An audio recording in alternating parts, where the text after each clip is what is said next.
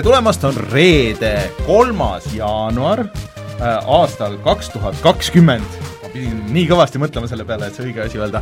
mina olen Rainer Peterson, minuga täna siin Martin Mets tere ja Rein Soobel. tere! sa tavaliselt ütled Reinu ennem, see, sellepärast mul tekkis segadus. no mõtlesin, et uuel aastal uue hooga, eks ole. vaata, ma isegi ei kuula, ma olen nii kaua saadet teinud, et ma isegi ei kuule seda algust enam. siis tulebki vahepeal raputada nagu ja, ja, ja asju teistpidi ja, ja, ja teistmoodi teha. ühesõnaga äh, ilusat uut aastat kõigile, ma arvan, et äh, ja Head loodan uut aastat! ja loodan, et kõigil läks aastavahetus hästi äh,, olete väsinud, aga õnnelikud, nagu meie siin äh,, nii et äh, pole paremat aega ilmselt, kui võtta siis äh, kaks tuhat üheksateist aasta nüüd kokku äh, selle aasta esimeses saates ja siis arutada nendel eelmise aasta olulisematel teemadel võib-olla. Jaa, et me, et me, ma korra räägin sellest saate formaadist seekord, et äh, tavapäraseid uudiseid ei ole, aga selle asemel jaa, aga selle asemel võtame kokku aasta lõppenud eelmise aasta olulisemad teemad ja võib-olla ei lähe väga palju detailidesse, proovime rohkem üldistada ja vaadata natukene, mis saab edasi, me võib-olla järgmises saates räägime pikemalt sellest, mis saab nüüd äh, kakskümmend kakskümmend aastal, ja siis saate teises pooles me räägime enda tavapärased aastatopid mm -hmm., kolm pluss üks, nagu Just. alati on olnud. Äh, aga enne, kui lähme nende teemade juurde, siis äh, käime üle selle kohustusliku osa, ehk siis äh, Äh, meid leiab nagu ikka näiteks SoundCloudist ja Spotify'st ja äh, iTunes'ist ja siis äh, siis ka Patreonist. ja Patreonist leiab ka, aga Google'i podcast'i teenusest ja kõikidest nendest, äh, paar korda on küsitud, et kas meid Delfi taskust enam ei leia, leiab küll Delfi taskust, aga meil hetkel niisugust koostööd nagu ei ole, nagu eelmine aasta tegelikult äh, äh, võis märgata, aga me oleme suured sõbrad Delfiga ja Delfi taskuga ikka, minge kuulake neid podcast'e ka. Aga Patreonist meid leiab tõepoolest, nagu Rein siin juba jõudis pat, mainida. Patreon! jaa, kui te toetate meid Patreonis, isegi selle kõige väiksema summaga, siis võite tulla meie Discordi kanalile meiega jutustama, kus me postitame asju äh,, uusi ja vanu ja jutustame niisama tihtipeale. Äh, ja äh, kui toetada näiteks suurema summaga, siis me loeme teie nime ette ja siis äh, isegi saab täitsa särki meilt äh, särkidega, kusjuures mul on üks plaan, vaatame nüüd äh, lähiajal, kuidas sellega saab. aga räägime plaanidest siis, kui nad realiseeruvad. jaa, just. aga Patreonist tahaks tänada veel Taavit, Jürit, Feilissit, jutlustaja X-i, ML Linuxit ja Jeebenit. et äh, aitäh teile siis toetamast ka veel ja otse loomulikult kõigile, kes on seda enne teinud ja see viimane aasta teinud ja siis äh, loodetavasti teete ka edaspidi, sest et äh, ma ei tea, kas me oleme öelnud muidugi, et äh, tänu teile me saame seda siin üldse teha ja neid mänge osta, eks ole, muidu ei saakski. tänu teile meie su-, süda tuksub. ja me just, põhimõtteliselt niimoodi ongi. aga siis äh, mis meil need teemad siis on täpsemalt või kuidas me, me teeme me, selle teemasid me ilmselt ei saagi vist niiviisi välja reklaamida. okei okay. et... aga siis ma lasen kõlli ära ja siis tuleme tagasi ja hakkame vaikselt vaatama selle, seda, mis äh, juhtus siis eelmisel aastal. mitte vaikselt, vaid väga struktureeritult. väga struktureeritult, jaa. okei okay,, tuleme siis kohe tagasi ja vaatame, mis meil siis äh, rääkida on eelmisest aastast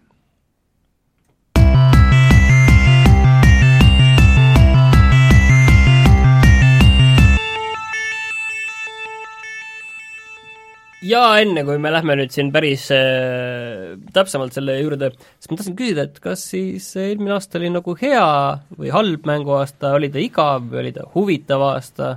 täitsa okei okay. täitsa okei okay oli, jah. mitte okay, midagi erilist, aga täitsa okei okay.. okei okay, kõlab nagu keskpäraselt. et aga mulle tundus kuni poole aasta peale kuskil niimoodi oligi niisugune, et noh, vist on niisugune, pigem tuleb nagu niisugune igav mänguaasta ja siis kuskil sügisel mingi hetk juhtus mingi klõks ja siis tuli neli või viis mängu, mis kõik olid head, kõik tulid täpselt ühel ajal et äh, tavaliselt see on juhtunud aasta alguses. mis sa mõtled, Gears viite või?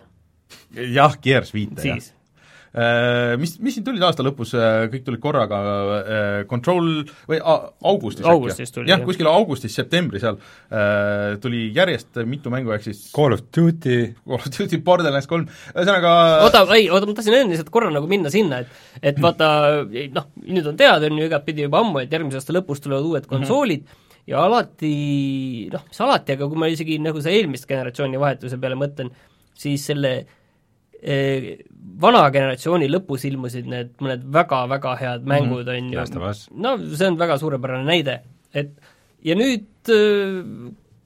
praegu noh, kus need mängud nüüd on või on veel vara veel, Last of Us tuleb jälle, tuleb järgi, tuleb kevadel või mais, mais. aga, aga need generatsioonid on nüüd natuke nagu katki läinud ja Microsoftil veel eriti, ja kuna see uus generatsioon hakkab ka olema nagu niisugune pool cross nagu asi, et ma ei tea, kas nagu panustatakse sellesse generatsiooni nii väga enam või tehakse kohe nagu äh, kõvemad launch'i mängud, mis põhimõtteliselt töötavad ka PlayStation nelja peal või siis vana Xbox'i peal, saad mingi natuke viletsama elamuse Selle, selles, selles töötamise koha pealt mina olen skeptiline. ma ei tea. aga ma... no seda saame näha ja seda ja. räägime võib-olla täpsemalt na, nagu hiljem, aga aga kui kaks tuhat üheksateist aastast nagu üldiselt rääkida, siis ma arvan, et äh, aasta tagasi siinsamas istudes ma ei oodanud nagu midagi mm. kaks tuhat üheksateist aastast, aga aga ikkagi mõned nagu huvitavad asjad ja üllatused tulid, aga mis ma nagu, kui neid hästi üldiselt kokku võtta, siis ma ütleks, et äh, kaks tuhat üheksateist oli niisugune nagu muudatuste aasta või nagu mingisugused muutused ja liikumised on nagu kuidagi käima läinud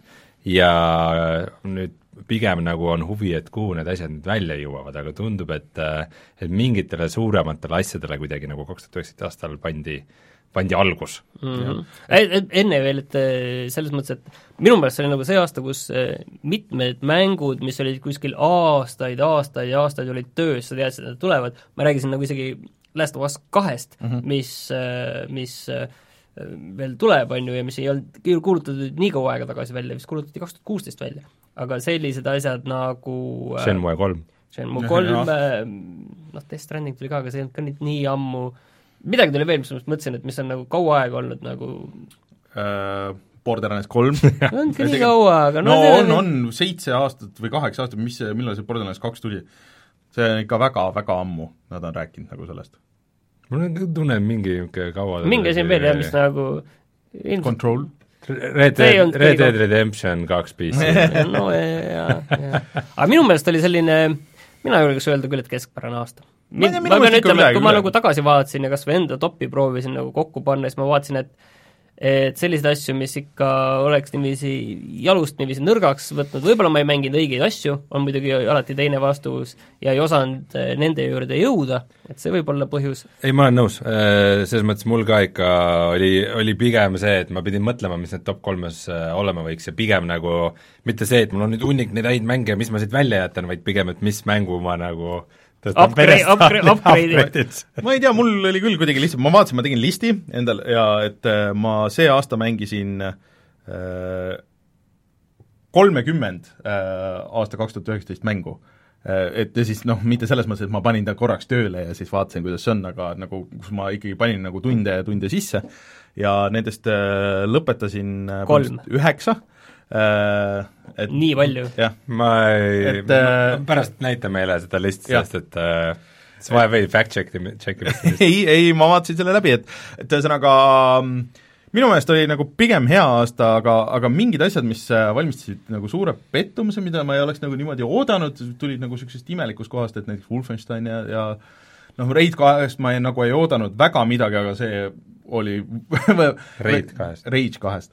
ja aga see vedas ka nagu se-, selle, sellelt nagu lati alt läbi. ei, ütleme, et äh, paljud sellised, Crackdown kolm tuli ka see aasta, on ju, et paljud sellised asjad, mis nagu noh, teadsid, et on mm -hmm. töös, tulevad ja. ja need nagu ei raputanud seda Borderlands kolm, on ju. aga Reinul oli õige point, et paljud asjad, mis äh, vähemalt konsoolimaailmas küll, et et see, et kõik kolm konsoolitootjat teevad nagu nii palju nüüd koostööd, kas olude sunnil või turu sunnil või mis iganes tootjate sunnil, on ju, et äh, mingile asjale nad isegi kirjutasid äh, kolmekesi alla, et nad reguleerivad kõik neid äh, ähm, lootbox'e ja värke, aga et, et on crossplay osadel asjadel isegi nagu nelja või viie platvormi vahel, et noh, et sul on nagu konsoolid, arvuti ja mobiil, kus sa näiteks Fortnite'i saad mängida, on ju, äh, siis Rocket League'i sa saad kolme konsooli vahel mängida, et Modern Warfare'iga. Modern Warfare, ühesõnaga, niisugused asjad oleks olnud, mulle tundub, et isegi viis aastat tagasi oleks olnud nagu kui mitte tundunud nagu võimatud, siis nagu väga ebatõenäolised, et kuule, come on, et ei hakka nagu keegi niimoodi niisugust koostööd tegema, et et rääkimata sellest, et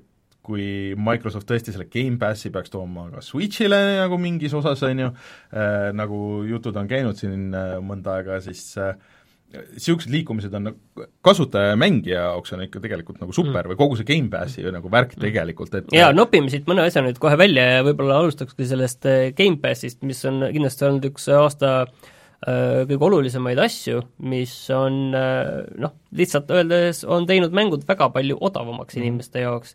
ma ei kujuta ette isegi, et kui jätkusuutlik see laias plaanis on, seda ma ei kujuta ette.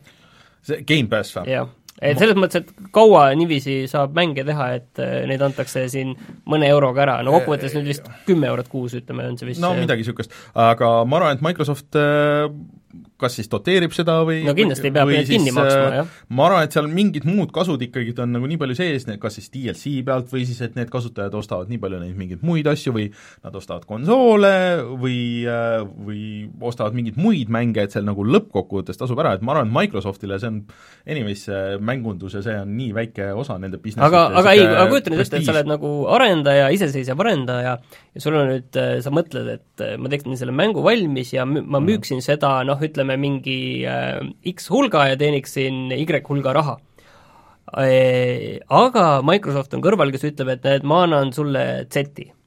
ja ähm, see Z on, on ju fikseeritud summa. ei, äh, Gamepassis pidid töötama asjad niimoodi, et sa saad iga downloadi eest iga download, seda, seda, seda riskantsemaks asi läheb, ma saan aru, et seal on mingi baas ja siis mm -hmm. saad iga downloadi pealt, on ju. aga ma ütlen, et kui sul mäng, noh, kujutan ette, et pubgi tegijad oleks mõelnud, et oot, paneme selle Gamepassi. pubg ongi Gamepassis no nüüd jah aga, aga mitte siis, kui see välja tuli aga ja... tuli, ta tuli ja... kohe Gamepassi konsoolidel.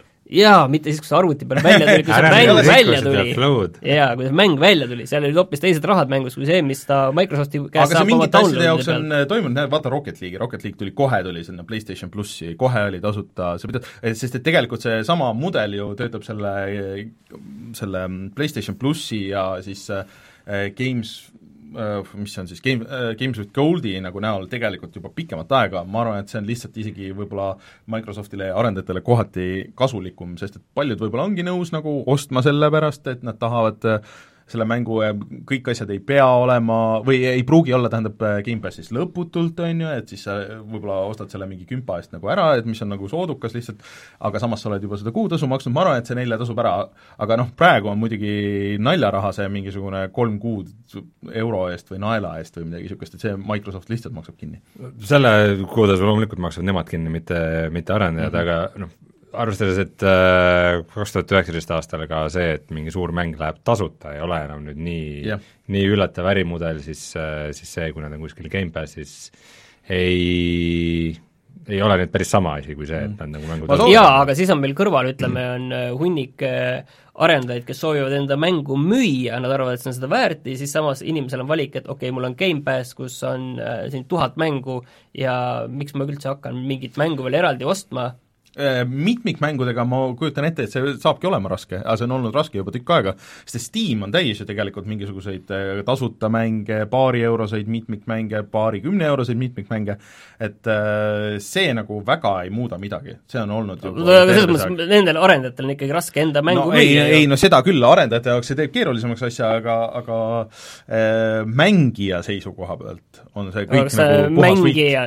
ei, kas siis mängija ei jää mingitest headest ja huvitavatest mängudest ilma, ilma, sest äh, see arendaja vaatab, et okei okay,, no tead, ma pigem ei tee seda mängu. võib-olla, no võib-olla kui sa niimoodi jah, võtad, aga et ma ütlen, kas see lihtsalt see, see... aga, aga ma olen kuulnud, et see Microsofti diil ei ole väga halb. Äh, et see Gamepass tegelikult, ütleme niiviisi, et äh, peale selle, et kui sul on neid download'e vaja see kuidagi sunnib tegema mingit tüüpi mänge, mis täna veel ilmselt, täna veel ei ole ilmselt nagu probleem ja reaalsus, aga mõtleme nagu viie või kümne aasta perspektiivis, siis no. arendajad näevad, et okei okay,, meil on vaja mingit tüüpi asju teha, mis sinna Gamepassi valemisse no, sobivad kindlasti on äh, järjest raskem, noh nagu ikka on räägitud, et äh, juba tegelikult aastaid, et et niisugust suurt üksikmängu, kuuekümne eurist üksikmängu äh, on raske teha ja müüa ei, sa pead äh, seda, seal on see halb häda on see, et sa pead seda hästi tegema, et ja. sa ei saa kuuekümne eurost B, B-kategooria mängu enam müüa, sa saad müüa mänge nagu äh, God of War või mm. Uncharted või isegi noh, Death Stranding, mhm. on ju et äh, aga siin nagu tekibki natuke see, et et äh, kaob ära see keskmine level, et sul ongi nagu need triple A äh, nagu mingid suured asjad ja siis on väiksed indikad ja siis seal vahepeal nagu väga ei ole midagi, sest yeah. keegi ei saa aga mis need Xboxi need triple A mängud, need on lihtsalt sellised A-mängud või need Gears, Gears viis või need ei no Gears, aga Outer Worlds äh,, siis oh, äh, mis seal veel oli, noh, Forsad äh,, siis äh, äh kõik need Rare'i asjad, et me oleme siin nalja teinud, aga tegelikult vist Sea of Thieves on ikka nagu käib päris hoogsalt. äh, ilmselt tänu Gamepassile, ma arvan, et kui Gamepassi ei oleks, siis seda kohe kindlasti ei oleks ja see on nagu ideaalne tegelikult äh, aga see on hea küsimus, vaata, ilma Gamepassita seda mängu ei oleks, on ju mm, -hmm. et kas ta siis peaks olemas olema või? ei, aga ma aga... pigem, pigem selle kuuekümne eurone baashind on nagu üks suur nali. jah, et pigem, pigem aga keegi oleks... ei ole seda ostnudki, kes, kes see ostis seda? ei, ta oli müügis selle ei, ta oli müügis, aga sa, sa võid Gamepassist alla tõmmata nagu no paljud inimesed ei saa eeldada, et kõik on jube hästi informeeritud sellel teemal no,, aga ma, ma ütleks, et see, see praegu tänapäeval suur skämm, et see mäng kuuekümne eest. aga ma ei saa üldse aru, ma ei saa üldse aru, miks see kogu see Gamepassi ja nagu see subscription'ite ja kõik see teema, miks see nagu praegu on meil jutuks ainult nagu ümber Microsofti, sest et äh, neid erinevaid subscription eid on ju, ma ei tea, Ubisoftil on enda oma EA-l äh, lisaks veel Apple Arcade nagu kõik no, need no, peale Apple Arcade'i kellelgi ei ole sellist mänguvalikut tegelikult ikkagi jaa, see on kõige suurema valikuga ja, ja ilmselt ja kõige kuhu, kuhu iga kuu, isegi iga paari nädala tagant tuleb ikkagi äh, kaks-kolm-neli mängu juurde ja mitte mingid suvamängud, aga noh, ikkagi nagu suured mängud, et just, just tuli näiteks Witcher kolm, noh, et äh, sa võid osta neid küll PC peal jaa, viieteist, neljateist euro eest, aga, aga kui sul näiteks ei ole PC-d või mis iganes, on ju, et äh, siis see valik on ikka tegelikult mega. et äh, aga ma ei tea, kas Sony peaks võtma täpselt selle äh, nüüd no neil põhimõtteliselt on, no neil PlayStation yeah. Now põhimõtteliselt on, PlayStation Now jõudis sel aastal ka Eestisse mm -hmm. ja, ja lõid oma selle striimimisteenuse sellest noh, et saab seda kasutada kahte moodi, on ju, striimimisteenusena ja, ja alla tõmmata mänge nii kaua, kui need pole PlayStation kolme omad, aga nad kuidagi ei ole seda, nad lasid hinna ka odavamaks mm, -hmm. varasti oli viisteist eurot kuu, nüüd on kümme eurot kuu, et aga nad ei ole kuidagi seda, seda hoogu sinna taha saanud. ma arvan, et neil natuke see probleem on see, et kõik mõtlevadki sellest kui sellest striimimisteenusest. et eh, seal on ju nüüd vist mänge ka, et mida sa ei pea striimima ja mida sa saad nagu no mõtlengi, kõik, kõiki PlayStation kahe ja PlayStation nelja asju sa ei pea striimima. jah, et äh, aga ma arvan, et see on neil nagu natuke see brändimise küsimus, et äh, siiamaani inimesed ei tea seda paljuski Äh, et kõik arvavad, et sa pead striimima, mina väga ei taha mänge striimida, sinnani me kohe jõuame. jaa aga..., kohe, me võimegi kohe sinna jõuda, aga ma ütlengi lihtsalt selle ära, et ilmselt Sonyl oleks mõistlik see enda kõik teenus üheks kokku viia koos on... PlayStation plussiga Just. ja seal on lihtsalt see, et sa, pigem nagu väikses kirjas, et sa võid seda mingeid asju ka striimida või noh, PlayStation kolme asju pead striimima, jumal teab, võib-olla PlayStation viie peal ei pea äkki saab teada. no ei tea. aga okei okay,, aga striimimine, see aasta aga, aga Google Stadia aasta et see aasta ei jõudnud äh, siiski massidesse. et äh, see on kõigil nüüd olemas, et äh, nagu just ütlesime, Sonyl on olemas, Microsoftil on see beeta, mis läheb siis, kui see nüüd välja tuleb vist siis sellel aastal, siis see läheb ka osaks sellest Gamepass Ultimate'ist, kus on siis pluss ja Gamepass ja kõik asjad on sees, aga Stadia lihtsalt äh, alguses, kui see välja kuulutati, see oli ka ju tegelikult kaks tuhat üheksateist aasta, on ju, kui nad esimest korda sellest rääkisid. et see tundus nagu, tundus nagu äge, et põhiasjad just see, et et oo, et sa vaatad kellegi striimi, see tundub äge, paned endal Stadia tööle, äh, hüppad sinnasamma mängu sinna Otse kohta, kohe, ja kohe striimid ise ka, paned YouTube'i 4K striimi äh, ja mängudel ei ole laadimisaegu ja need näevad paremad välja kui ükski mäng, mis kunagi välja on tulnud, aga reaalsus nüüd, äh, kui see päriselt on väljas, on hoopis teine, ehk siis kohati see pult ei tööta niimoodi, nagu peaks, on ju. no põhimõtteliselt ütleme siis, ära, seal pole vajagi detailidesse minna, aga see on olnud ebaõnnestumine ja, ja see oli nagu see suur lootus, mis selle striimimise viib massidesse, aga nad ikkagi ei jõudnud sinna. Mm.. et noh, neid teenuseid on veel, on ju, EA teeb enda mm. oma, Nvidial on enda oma väljas, kõik on nagu mm. noh, põhimõtteliselt, põhimõtteliselt kasutatav. Steamil on mingi enda oma see on ikkagi väga mingis varajases staadiumis. ei no see on see, et sa saad enda masinast lihtsalt enda masinast, aga neil tuleb ka see nii-öelda see Stream Anywhere tuleb, on ju, kus sa saad mm -hmm. enda masinast streamimine oli, oli minu meelest mingi seitse aastat tagasi see on tõesti viis aastat võib-olla või midagi sellist, on ju. Et põhimõtteliselt see on nagu see põhjus, et see ei jõudnud nagu mitte kuskile. võib-olla ma viskaks selle teema ka kohe siia Reinu ärritamiseks, et ega see VR ei astunud äh, massidesse jõudmise koha pealt ei astunud ka erilist sammu edasi või tegi seda Oculus Quest ehm,? No võtame siis VR teema kohe siia vahele. Ehm, selles mõttes VR-il oli fenomenaalne aasta riistvara mõttes. Ja riistvara arenes, aga sest et uus riistvara, mis tuli äh,, oli siis, ma ütleks, et nagu seitse suurt peaseadet, mis tuli välja aga kas see on äkki liiga palju? Äh, neist, äh, neist kõige nõrgem ilmselt äh, siis Nintendo labo aga muidu Oculus Rift S, Oculus Quest, Valve Index, Vive Cosmos, HP Reverb ja kellegi ma nüüd unustan. Oota, aga mitu aga... neist, oota, mitu neist me võime täna juba ära unustada, mis on tänaseks juba, et ei no, HP Reverbi nii, aga kas veel midagi, mis võime öelda Nintendo kohe? labo ka no, nagu põhimõtteliselt Switch, Switch ja VR ei, ei, no not gonna work. aga, aga mis, milles on ikkagi jätkuvalt probleem, on see, et äh, ei olnud seda löövat sisu, et äh, kuigi olid mõned mängud, me natukene ka räägime pärast sellest äh,, siis äh, sellest nagu suurt läbilööki ei olnud, küll aga kuulutati välja siis hiljuti kõige, ilmselgelt kõige suurem VR-mäng, mida keegi ette kujutas, et võib tulla, kuigi kõlakad olid, ehk siis Half-Life Alyx, mis ei tule siis ainult äh, Valve Indexi peale, vaid tuleb absoluutselt kõikide peaseadmete peale. Ja millal ta nüüd tuleb siis, äh, järgmise aasta, selle aasta märtsis, kaks tuhat kakskümmend märtsis juba. ma natuke, vahepeal tuli välja ka selle gameplay video, kus oli näha nagu täpsemalt, kuidas see mäng nagu päriselt töötab, et mitte ainult treiler, ma ei tea, ma natukene olin nagu, nagu sellist äh, tõsist vaimustust see nüüd ei tekitanud. kas sa mõtled selle testide videot või?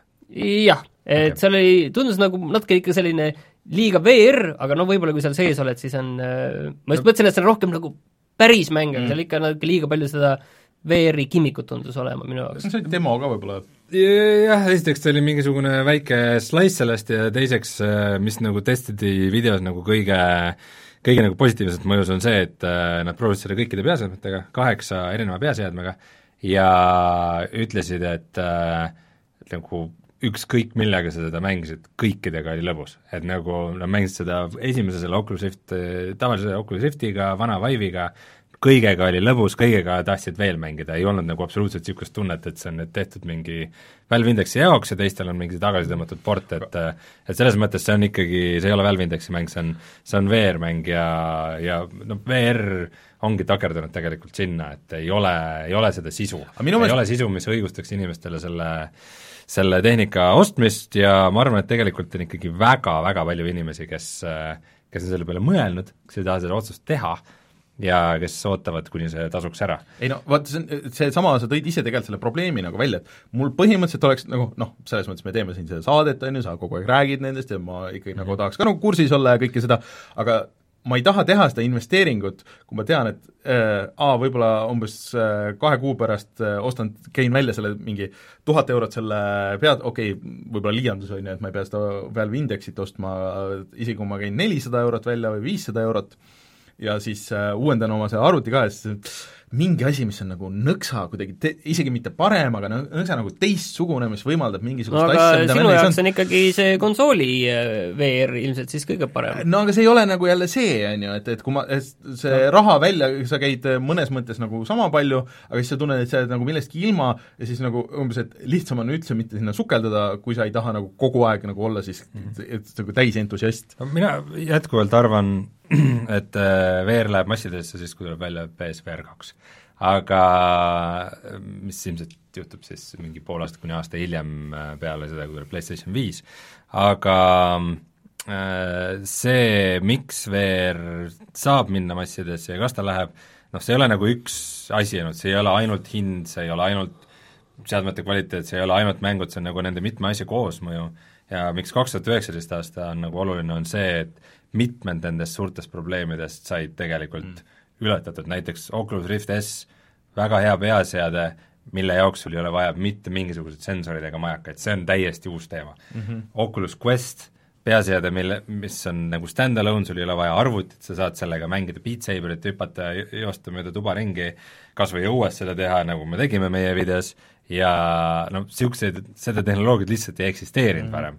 et nüüd, nüüd on need esimesed sammud on tehtud, pluss Oculus Quest siis nüüd ka töötab, töötab ka arvuti peaseadmena ja beetana on sellel väljas siis ka juba kätega juhtimine, et nagu Oculus Quest tundub nagu idiootselt palju, mis sa selle eest saad nagu võrdlemisi väikses summas, neljasaja, viiesaja eurosest, et et see väärtuspakkumine VR-i poolt muutub nagu järjest paremaks, et võib-olla ta ei ole veel see, et ma julgeks igaühele VR-i soovitada, et sin-, sinna ilmselt läheb veel aega, aga kaks tuhat üheksateist olid ikka väga märgatavad edasiminekud.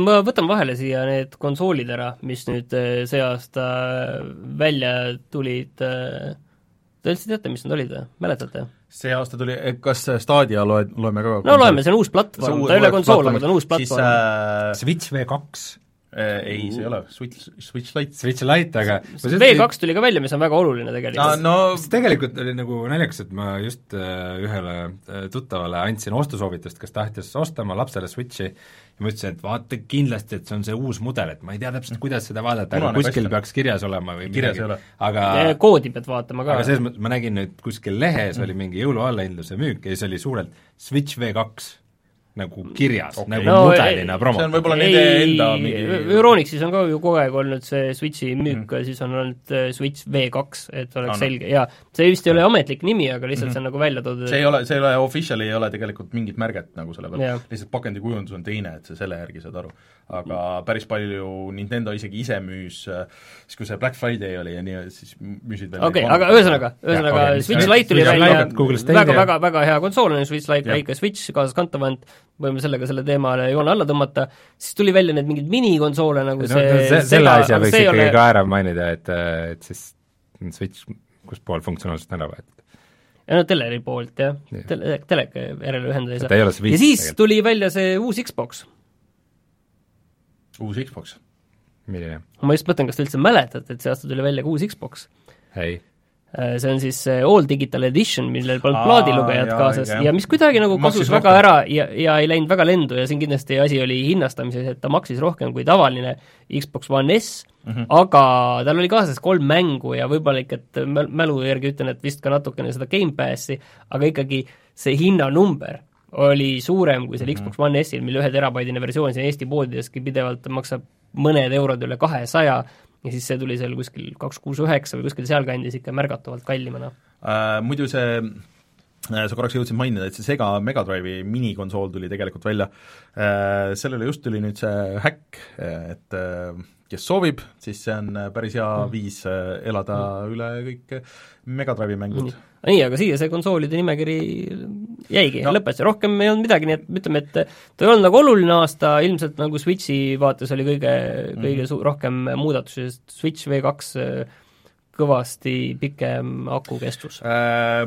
Vot nüüd muidugi see V2 natuke nullis selle otsa ära, et ma lootsin, et see aasta äkki tuleb see mingi Switchi niisugune Pro versioon ka välja, et siis neil on ka midagi uut selle aasta, selleks aastavahetuseks ma ei tea, kas sa üldse ennustad selleks aastaks, jätame järgmisse saatesse? ennustad ikka järgmisesse. aga, aga ma kahtlustan, et äh, tänu sellele nii-öelda V2-le, et see nihkub järgmise jõulude peale, et enne, kui Nintendo midagi uuendab. aga vähemalt on sellest aastast, mida oodata. nüüd just olid lekked ja igast asjad nende äh, uute konsoolide kohta. nii, aga võtame natukene siin äh, firmade kaupa ka, mõned asjad on siin ikka väga käpuli käinud, näiteks äh, isegi raske on meenutada, et selle aasta alguses tuli välja EA-l selline mäng nagu Anthem. Mm..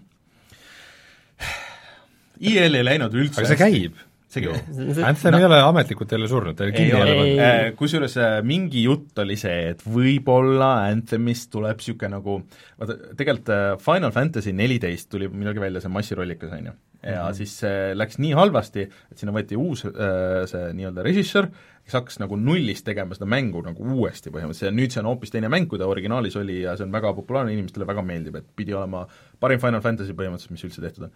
et mingi jutt on, et äh, kulisside taga käib niisugune plaan Anthemiga, ma ei tea, kas sellel on pointi nagu, kas on kuskil nagu nii tulihingelisi Anthemi fänne, kes mõtlevad, kurat, kui keegi hakkaks ikka nagu nullist tegema, siis ma oleks nagu kogu aeg oleks nagu on board selle kõige asjaga. no sa paned võib-olla jah, teed Anthem V2 on ju, sa mõtled, et sul mängu arendamine läks viisteist, aga kui me nüüd siin kolme miljoniga teeksime selle et... nagu äh, selli-, normaalseks, et teeme Anthemi arendus oli kõvasti üle viieteist. ei, ma lihtsalt pakun suvalisi numbreid sada viiskümmend rohkem vist. pakuks ka sinnakanti rohkem, jah. aga pigem, pigem on see, et kas nad tahavad nagu pikemas plaanis olla selle Anthemiga seal või et kas nad alustaks nagu nullist või on see nimi nagu nii ära mustatud juba nagu, et sest ma olen aru saanud, et, et seal mõned ideed olid ägedad, see, see kostüüm või noh, millega sa lendad, on ju, et see kõik on tuus ja see lendamise kontroll pidi tuus olema ja siis see kõik muu, mis seal ümberringi oli, oli lihtsalt nii halb, et, et see rikkus ära kõik. aga EA-le tuleb teistpidi jälle öelda, et vaata, aasta lõpuks tulid nad välja selle uue Star Warsi mängu, mis on üle tüki aja üks äh, väga suur Äh,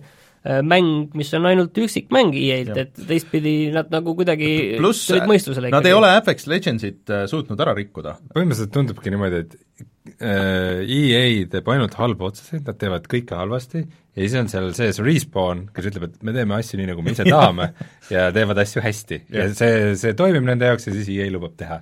aga põhimõtteliselt kõik, mis, kõik, mis ei ole Respawn, teeb halvasti. sa mõtled, et uus Need for Speed tuli?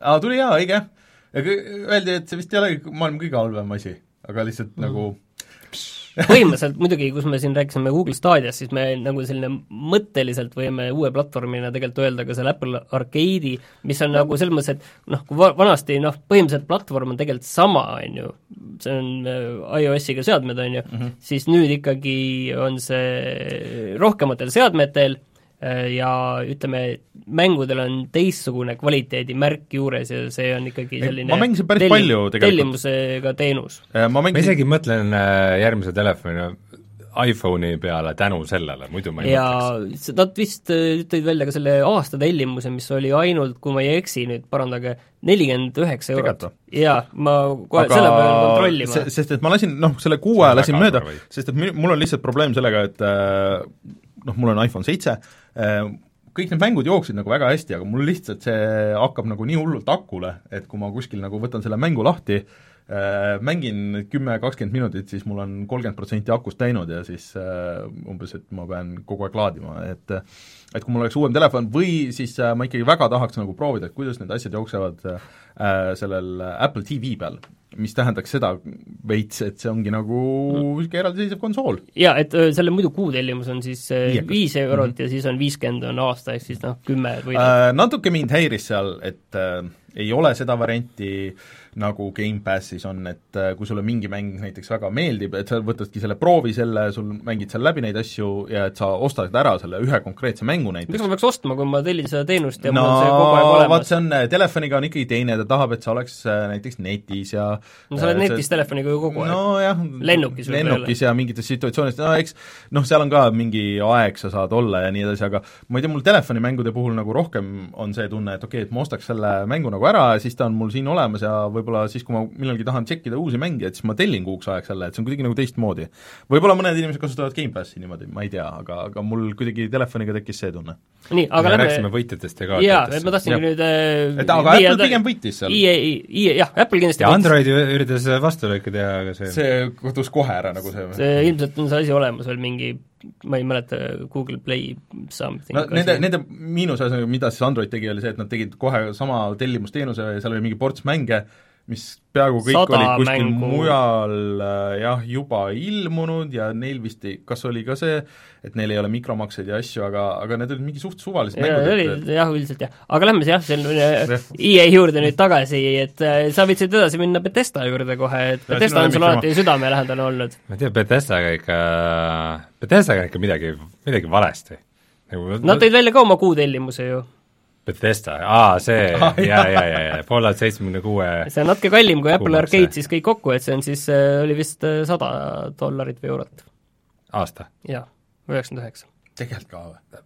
viisteist äh, daala kuu või kümme daala kuu. jaa, ma võin jälle kontrollida, sa räägi ju. Aga, aga selle eest saab palju rohkem väärtust kui Apple Arcade'i eest, on ju vist mingit, mingit tüüpi armori ja siis peaaegu töötava mängu. ei ole viis, ei ole viisteist äh, dollarit, on äh, kolmteist dollarit kuu ja üheksakümmend üheksa aasta. noh, siis ikka hellitatakse meid, aga ütleme nii, et see on nagu naljakas, kuidas see nii kiiresti on toimunud, kuidas Bethesdal nagu kõik on halvasti läinud, et äh, see aasta tuli ju neil välja nii palju mänge, neil tuli välja Rage kaks, neil tuli välja Wolfenstein Youngblood äh,, Doom Eternal lükkus edasi järgmisesse aastasse. põhimõtteliselt nagu tundub, et see ongi veel viimane õlekõrs, kus nad kinni hoiavad, kuigi, kuigi pean ütlema siiamaani, minul ei olnud, ma tegin peaaegu läbi, lõpubossi ei ole ära teinud Wolfenstein Youngbloodil ja minul ei olnud sellega halba kogemust, sõbraga koos oli okei okay mäng. no mul oli päris palju bugisid äh, konsooli peal ja pluss ta üksinda mängimine ta ei olnud, ta ei olnud, nagu üldse...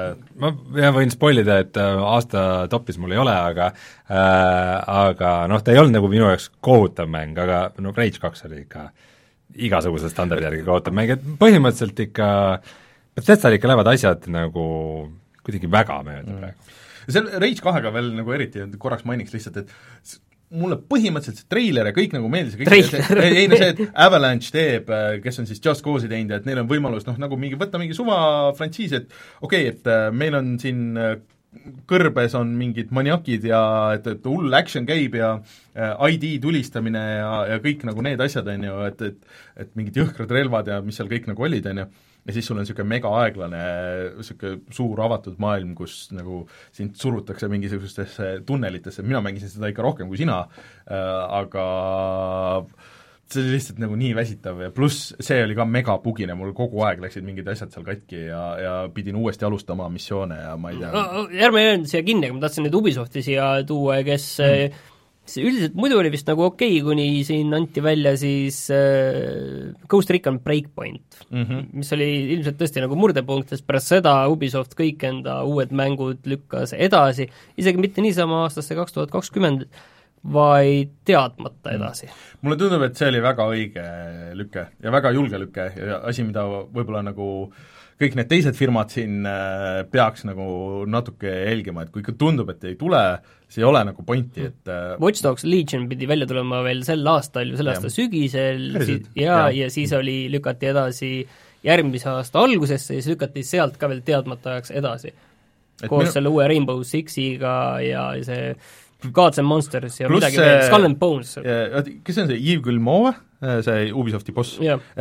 ta, see jutt sealjuures, kui ta seda teada andis, et kui see edasilükkamine toimus, et see oli veel väga, väga aus, et niisugust asja nagu enne polegi nagu näinud, et vaatasime seda, see oli ikka halvem, kui me võiksime arvata ja kõigi meelest oli see mängijate poolest ka, ja me vaatasime neid teisi asju ja ikka ei vasta sellele kvaliteedile ja standardile, mida me siin tahame elus hoida ja et lükkame kõik asjad edasi.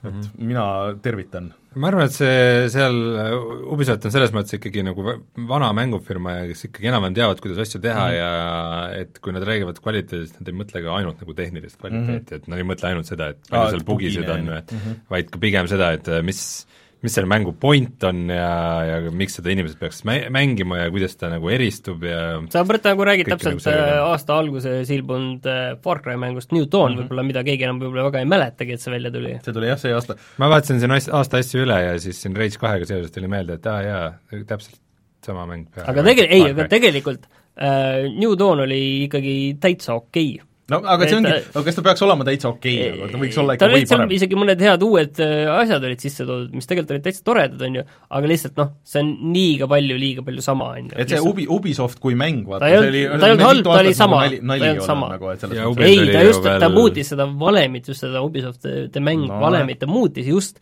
aga ta oli ikkagi liiga sama vorm. Mm.. ja Division kaks tuli ju ka see aasta ma pole kindel. tuli, tuli või? jah, see oli millalgi seal kevade poole. et selle veidi tagasihoidlikumad äh, müüginumbrid olid samuti üks jaa, tuli jah, õige. miks Ubi asju edasi lükkas, äh, kuigi näiteks Anno tuhat kaheksasada nad ütlesid, et oli nagu pigem pigem edukas projekt, et äh, no ma arvan, et seal ootused olid ka natuke teised võib-olla.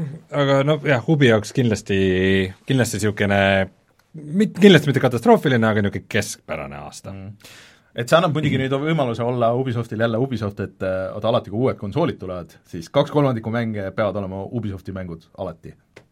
jaa, nad on head partnerid kõigile mm. -hmm. aga rääkides, äh, rääkides mängustuudiotest, äh, kes teevad nagu sama mängu uuesti ja uuesti, siis siis minu jaoks ikkagi oli nagu tõemoment nüüd, et, et Blizzard ei ole enam see ettevõte, mida ma armastan, kuigi ühte Blizzardi mängu sellest ma mängisin väga kaua, aga, aga see oli jällegi siis äh, World of Warcraft Classic, mis, mis oli seesama mäng, et, et põhimõtteliselt kui vaadata nüüd seda viimast BlizzConi ja seda, mis Blizzardilt tuleb, see on see, et Overwatch kaks, mis näeb välja täpselt nagu mm -hmm. Overwatch, Diablo neli, mis näeb täpselt välja nagu Diablo kolm, siis nad teevad remaster'it äh, Warcraft kolmest, äh,, siis nad teevad neid äh, samu World of Warcrafti lisapakke, lisapakke, mis näevad välja nagu eelmised, nagu põhimõtteliselt see, see äh, firma on nagu minetanud igasuguse soovi teha midagi uut või midagi, mis ei meenutaks seda, mis on, mis, mis ma kardan, et tegelikult on ka mingisugune veidikene laiem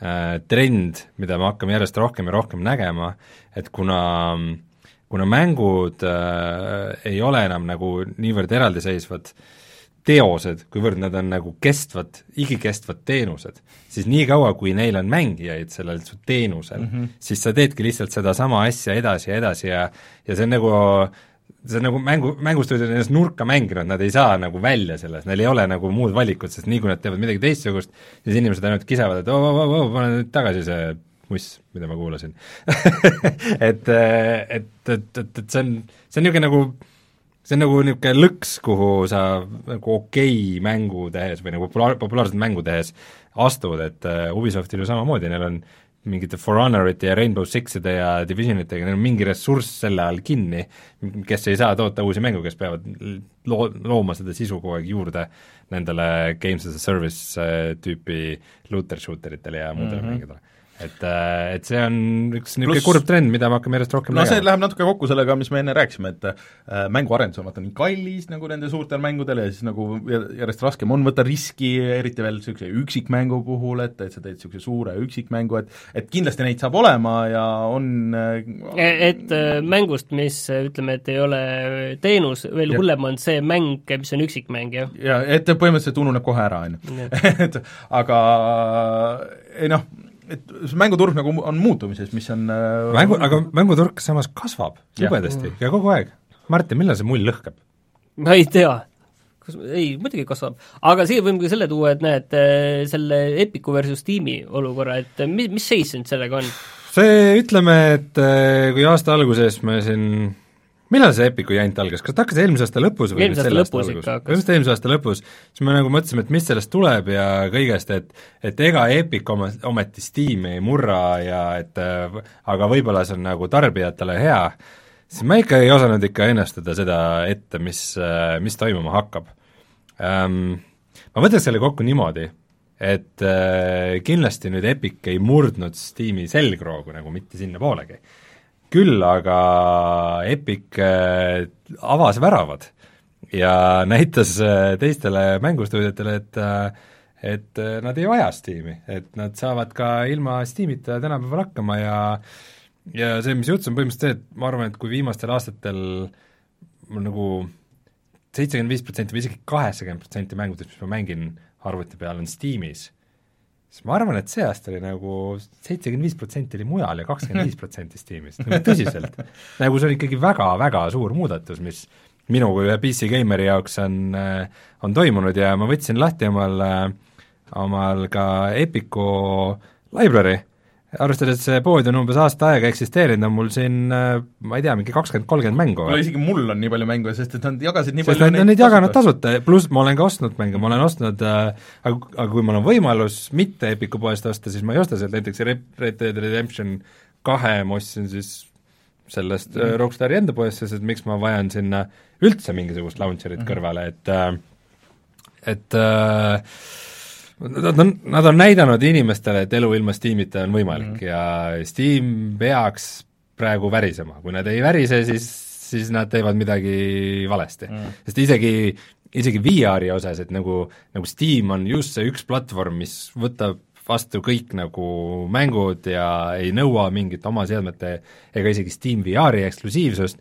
äh, nad toetavad nagu kõike ja kõiki aga isegi paljud VR-mängud, mis ma see aasta olen mänginud, on olnud kas Oculus'e eksklusiivid või Epicu eksklusiivid mm -hmm. või ma ei tea, kuidas see juhtus, see on, see on tegelikult väga üllatav minu jaoks. tegelikult äh, huvitav on ka see koostöö Sony ja Epicu vahel, et äh, päris paljud äh, muidu Sony eksklusiivmängud äh, ongi nüüd tulnud välja ka arvutile, aga siis tulnud äh, Steam'i. ma ei ole kindel, palju tähendab Epicusse? palju seal on tegelikult olnud seda Sony koostööd nii otseselt, ma ei ole no ma ei tea, isegi see Watam tuli nüüd et noh, Detroit Become Detroit Human ja, ja siis ähm, uh, Death Stranding on tulemas ju Heavy Rain on ju tuli, et äh, sellised asjad Journey. Journey, jah. No. et ikka ütleks, et nagu PlayStationi eksklusiiv. saavad oma backlogiga saavad raha teenida nende põhimõtteliselt küll, jah Fortnite'i raha endale natuke rabada. ma arvan ka, et mõistlik. aga enne veel võib-olla, kui lähme enda selle toppide juurde, siis ma tahtsin veel selle teema ära öelda, et see oli ju suurepärane aasta Eesti mängude jaoks. Äh, või Eesti mängu jaoks. No Eesti Pigem mängu, see aasta tegelikult mängu. tuli välja ju kas mitte isegi kolm või kaks tuhat üheksateist siis tuli välja kas kolm Eesti mängu? ei, isegi vist rohkem oli neid, aga et äh, no Sorti Strip to Earth tuli lõpuks jah, välja, on ju. Void Chip tuli välja ja kas oli veel midagi? oli, oli küll, see oli see, see tulistamismäng, vaata see Cheita, see oli ka see aasta? Cheita oli ka vist see aasta. või kaks tuhat üheksateist? minu meelest oli see aasta. aga võib-olla no, vahet pole okay.. Äh, aga, aga no Disco Elysium tuli selle eest. jah, Disco Elysium. et äh, mäng, millel me oleme silma peal nüüd hoidnud äh, neli aastat, viis aastat, ma ei tea, see nende algusest peale igatahes ja oleme olnud nagu natuke kriitilised äh,, natuke skeptilised, sest et äh, ütleme niimoodi, et äh, nii mõnigi asi seal, et kuidas see kogu aeg vaikselt niimoodi edasi lükati ja keegi nagu väga mingit infot ei andnud ja et, et et mis sellest mängust saab ja treilerid olid ka niisugused nii ja naa, on ju, siiamaani, et marketing oli ka. market... selline rohkem teistele mänguarendajatele suunatud kui et meil on siin, jah, meil on siin niisugune engine, on ju, et äh, et see kõik oli, äh, kõik oli pigem niisugune vihjas niisuguse keskpärasuse või et noh, et, et läheb nüüd puseriti, aga eksisime täiesti. PC Gamer pani aasta mänguks. Äh, ka Time valis aasta kümne mänguks vist või midagi niisugust. kümnendi üheks mänguks kümnest, jah. et äh, see on väga kõva saavutus, ei ole midagi öelda, väga tublid poisid, et äh, äh, jah, ma olen nüüd Disco Elysiumi siin puh-, puh-, puhkuse ajal mänginud ja äh, Pole siiamaani seda läbi saanud, ma, ma ei saa aru, kuidas osad inimesed selle lihtsalt mingi paari päevaga läbi tegid, minu jaoks see on täiesti võimatu niisuguse mängu puhul, aga äh, ma nagu kujutan ette seda alternatiivset äh, ajajoont, kus ma nagu mängiks, et see on tegelikult ikka täitsa okei okay mäng, et nagu mhm. mm -hmm. et, et, et, et kahju, et seal nagu väga hästi ei läinud, aga et see on tegelikult täitsa okei okay. mm, sest et arvestades, missugune mass on praegu nagu indie-mängud mm, -hmm kui ma ei tea, mis tiimi tuleb mingisugune üheksa, kümme tuhat uut mängu aastas, et äh, sinna oleks nii lihtne olnud ära kaduda, isegi väga hea mänguga mm. -hmm. ja see, et, äh, et üks Eesti või noh, osaliselt Eesti indie-mäng äh, on niimoodi sellise tähena lennanud, on ikka ikka täiesti hämmastav. see on väga kõva. see, ma ei, ma ei tea, kuidas nad seda tegid, et selles mõttes ma ütleks, et äh, ma tean, et Disco Elysium on nagu niisugune asi, et, et, et ma tahaks mingit raamatut lugeda selle tegemise Tegemisest. kohta või, mhm. või see kogu, see kogu see retk tundub ikka niisugune, tundub ikka põnev mm.. see ikka, seal on kindlasti saladusi, mida me ei tea ja ma arvan ka, et mida me kunagi ei saa teada, sest et need on äh, on ja jäävad sinna kuskile suletud uste taha, aga kindlasti on väga huvitavaid lugusid seal taga peitus aga väga tuus, ma loodan, et see lihtsalt eh, noh, siin on see, mida Martin on välja toonud eh, ja siin alles oli Twitteris ka, et miks ikka Eestis räägitakse, kui on Äh, uudised kuskil noh, siis Geeniuses või kuskil e-spordist või mängudest, et siis ikka tuuakse seda rahavärki äh, välja. mis see Twitteris oli, räägi mulle ka, ma ei äh, tea. Twitteris oli, et võeti selle ümber, et miks ikka mainitakse, kui palju Rops teenis aasta jooksul ja, ja nii edasi. Ka, teine muidu edulugu Eestist, et Ropsil läks ju väga hästi e-spordis ja Papil läks ka väga läks hästi, ta nagu ju, nad jõudsid Internationalile, jõudsid reiting, esimese reitinguga mm, -hmm. Et kuigi seal ei läinud nii hästi. et ühesõnaga, et miks sellest rahas räägitakse, siis ma seal üritasin selgitada, et noh, et ega muidu nagu seda suurt äh, üldsust nagu ei haara sinna või ei pane mm. nagu huvi tundma, et, et, et kahjuks see hetkel veel niimoodi on mõnda aega mm. -hmm. et äh, tõsi, et see võib natuke väsitada, aga, aga sellest natuke peab rääkima, et seal on no, rahad liiguvad. jällegi ma loodaks, et see, et see Disco Elysium ei ole niisugune ühekordne anomaalia mm., vaid et see nagu see nagu laob pinnase või vundamendi millegi tekkimiseks, et need asjad hakkavad muutuma või teistmoodi olema või no,, või samas ka nad nagu tõestasid, et on võimalik kaks huvitavat asja on siin praegu ju töös, et tegelikult see Overstep, äh, mis ikkagi on praegu alfas, et äh, ja Eon Must Die. Eon Must Die ja siis äh, Death and Taxes ka, et nad nüüd äh, tegid endale vähe suuremalt äh, selle Steam'i page'i ja kõik nagu need asjad, on ju. Neid, neid mänge Eestis ikka veel, see nüüd on natuke teed liiga, kui sa ütled, et siin kaks ei no hetkel, hetkel nagu, mis, mis ma oskan nagu kohe öelda nagu, et et on tulemas. ikka hunnikute viisi on veel, aga aga see asi, see kogu asi on ikkagi natukene killustunud ja natukene mm, natukene nagu niisugune struktuuritu, et äh, kuigi mänguarendajad oma olemuselt ongi sellised, kes tahaksid nagu omaette kuskil nokitseda ja ei vaja seda, et mm. mingisugune suur tugivõrgustik neid igal pool päästab, ma arvan, siis siis, siis niisugune veidikene veidikene nagu toetavam lähenemine teeks kindlasti konkurentsivõimelisemaks mm. seda Eesti mängutööstust, siin pole mingit kahtlust mm.. kuskil võiks olla niisugune hea nimekiri nendest Eesti mängudest, mille silma peal hoida. võib-olla me peaks tegema Äh, hiljuti kusjuures minu meelest Mikk Luige eestvedamisel tehti mingisugune Steam'i kus on siin Into see... the Radius näiteks Eesti VR-mäng või Atlantic Coast äh, teine VR-mäng. Rein, sa ei ole seda proovinud, Into the Radiust või äh,? Olen, ma käisin seda kunagi Creative Mobile'is koha peal äh, proovimas, kui selle niisugune esimene väike, väike näitamine oli. ja see see atmosfäär ja kõik tundus seal väga põnev, aga tollal ta oli nii varases järgus, et see kasutajaliides oli, see oli naeruväärselt keeruline ja ja ma ei ole ka päris täpselt aru saanud, mis see just ilmtingimata peab VR-mäng olema, et äh, aga ma ei tea, samas mul on alati hea meel, kui veel Stalkerit saab. nii, aga aga kas on kõik või me inimesi võimegi jääda jutustama nii, eee... või lähme edasi toppide juurde või Martin midagi? sa oled ise kuidagi vaikne olnud, sa siin oled, oled teemasid tõstatanud, aga sa ei, nagu ise ei ole ja. siin väga palju arvamusi jaganud, et äh... no küsi midagi konkreetset. ütle, ütle, kes sinu meelest oli siis äh, kaks tuhat üheksateist aasta suurim võitja, suurim kaotaja? ma ei oska nagu, ma ei tea, ma tahaks öelda, et on ju võitja võiks olla mängija, aga ma ei ole kindel, kas oli niiviisi pikas perspektiivis, on ju võib-olla ei olnud. miks ei olnud? ma ei tea. sest et, tunne, et vaata lootboxindus suri ära selle kaks tuhat üheksateist aastaga suht-koht äh, äh siis no okei okay,, mängud muutusid odavamaks no,, see on nagu alati tarbijale ühtepidi on ju hea, aga mõtlen et kas siin ei ole seda kahe teraga mõõgaga tegemist, mul lihtsalt see, see, see tunne mul on lihtsalt. ma, ma ei julge nagu niiviisi kedagi niiviisi välja tuua praegu mm.. et siin noh, nendest firmadest me rääkisime ja need on sellised mm -hmm. üsna aru, arusaadavad niigi kas sina mängid PC peal äh, Epicus või Steamis? vot ma Epicu sinna asja ma ei ole nagu, ma olingi sellepärast siis ka vaikselt, sellepärast et ma ei ole sinna peale nagu läinud ja võib-olla kõige noh, mis oligi vist meil ühe live-saate ajal, mis ma avastasin, et äh, meil küsimus oli, et kas see mäng on ka arvutil olemas.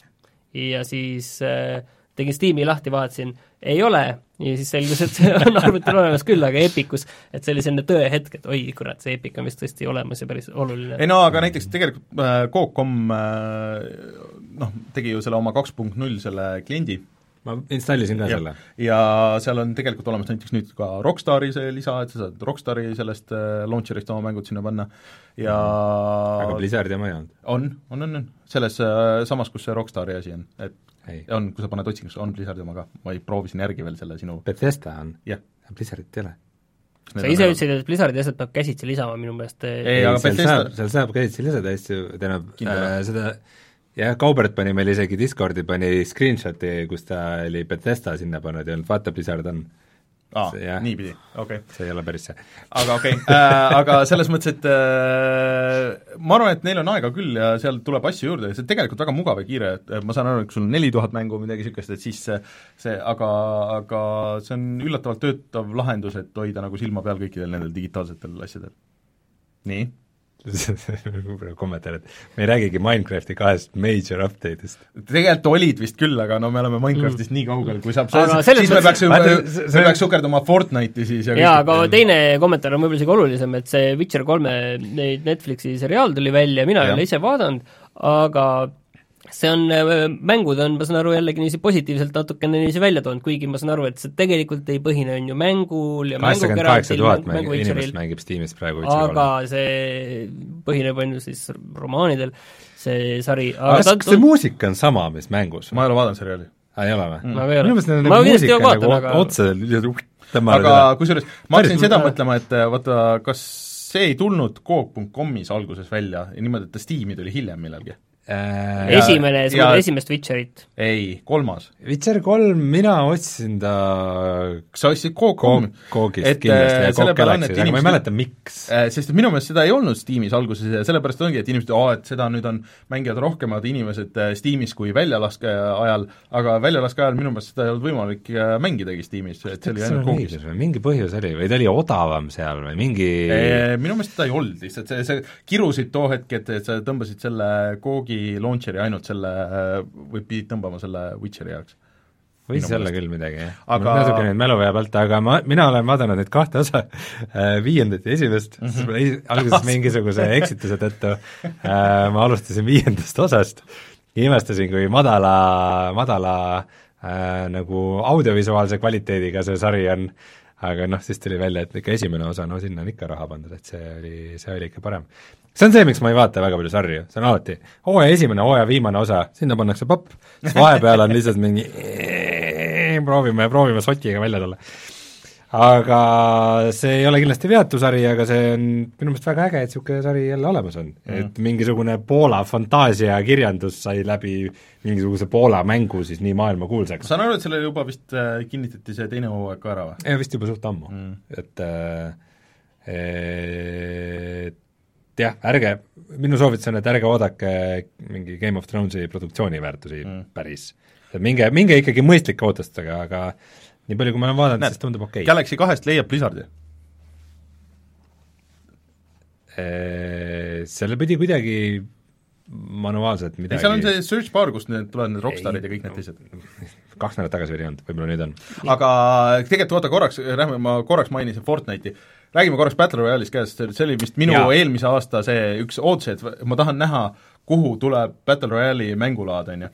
Äh, ja ma ei osanud tõesti isegi kõige hullemates unenägudes näha seda, et jõu, et see saab olema Tetrises ja selle saab tegema Nintendo ja see saab olema kõige parem Battle Royale'i mäng nagu sellel kaks tuhat üheksateist aastal. ehk siis, et äh, Tetris äh, üheksakümmend üheksa oli väga hea battle, või on siiamaani väga hea Battle Royale äh, Tetris ja FX Legends kuulutati järsku välja, tuli kohe välja ja see siiamaani nagu tegelikult töötab, et ta võtab täpselt selle publiku sealt vahepealt, et kellele ei meeldi see pubgi äh, Äh, nagu niisugune üleliigne realism, aga päris äh, see ähm, Fortnite'i moodi nagu ehitada ja nagu jänesehüppeid nagu teha kogu aeg ka ei taha, et see on täpselt seal vahepeal minu meelest. et äh, ma olen Apexit nüüd aasta jooksul ikka korduvalt mänginud ja seda uut kaarti ka mänginud ja see on ikka tuus, et sinna võib äh, noh, ta on täpselt nagu niisuguse leveliga, et sa võid paari kuu pärast või paari kuu tagant nagu hüpata sinna sisse ja teha mingi kolm-neli-viis raundi ja tunned ennast hästi, mitte niimoodi, et kui ma nüüd pubki läheks tagasi veel, siis vist ei oleks, noh, ei ole nagu mõtet väga.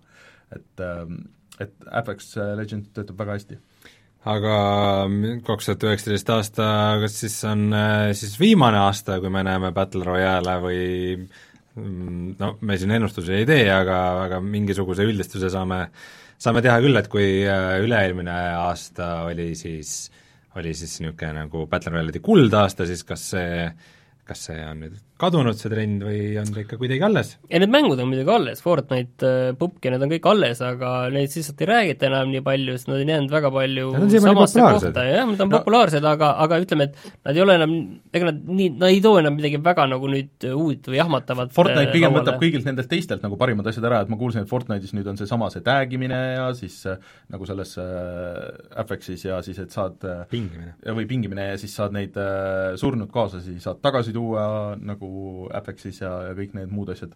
et äh, Fortnite ilmselt elab üle, sest et nad on nii agiilsed, nad suudavad niimoodi kiiresti tuua sisse ja nad muutuvad kogu aeg ja et et see mingi baas Fortnite'i mängija ilmselt jääb ikka veel päris pikaks ajaks, aga ma hetkel küll ei suuda nagu näha mingit uut niisugust trendi või et see nüüd väga kuskil samas ma vaatasin isegi, oota ma ütlen kohe täpse numbri ka, aga see mm, mitte ainult Disco Elysium, vaid ka Ring of Elysium on üks mäng, et mis oli ka nagu Steam'i topis oli täitsa olemas, praegu on noh, mingi neli tuhat mängijat korraga, mis multiplayer mängu jaoks on nagu okei okay, mm, -hmm. aga ei midagi väga erilist, et, et, et üks, mis tuli hiljem, ei ole nagu suur äh, Battle Royale'i mäng, aga ikkagi elab ja toimib, aga pean ütlema, minu aastalemmik Battle Royale'i mäng äh, ei olnud väga edukas, nimelt äh, Battlefield viie, see Firestorm Aa, see oli minu meelest tegelikult väga lõbus, aga nad ei suutnud isegi duosid mängu tuua, sest et äh, see mängijaskond oli liiga väike ja nad ei saanud seda rohkem killustada, ma ei tea üldse, mis sellest äh, vahepeal saanud on, aga mul oli väga lõbus seda mängida, siis meil on paar kas Battlefield viis tuli ka see aasta või see oli eelmine aasta? ei, Battlefield viis ei, eelmine aasta, jah, eelmine aasta. aga selle Battle Royale'i mängulaad tuli see aasta Aa, okei, okay, märtsis või millalgi. just. aga siis või oli no juba see hilja. aasta, siis me võtame kaks tuhat üheksateist aasta aga kes ei ole Tetris üheksakümmend üheksat mänginud, siis soovitan vähemalt proovida või vaadata videosid YouTube'ist, see on, päris hull on kohati. selle proovimine on keeruline, sest selleks peab selleks on Switchi vaja, jah. on vaja, esiteks on vaja Switchi, teiseks peab maksma selle kuutasu ja nagu ainult selle eest on ka nagu kuidagi sa saad need Super Nintendo ja Nintendo mängud ka kõik, jaa, sada mängu. just, lähme stoppide juurde. jah, lähme stoppide juurde okei okay,, tuleme siis kohe tagasi ja räägime, mis olid äh, puhata mängida lemmikmängud aastal kaks tuhat üheksateist.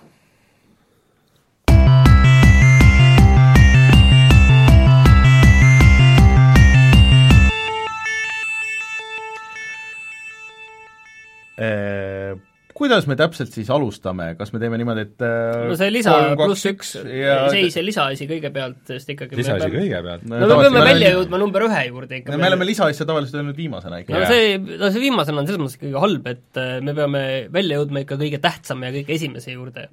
mitte ja siis on honorable mention veel. ei, ei, teeme honorable mention'i ei, kõigepealt. mina teen viimasena, pluss ühe. Seal on mingi nii tiib äh, asi sinna välja Mina teeks- mina jätaks ka viimaseks, mina teeks kolm, kaks, mul üks. oleks, mul oleks spoiler muidu. no teeme, okei okay. okei okay.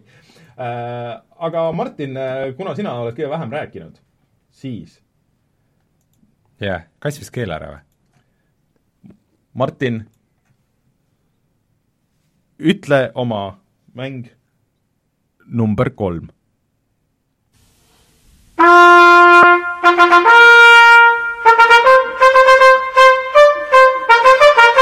pane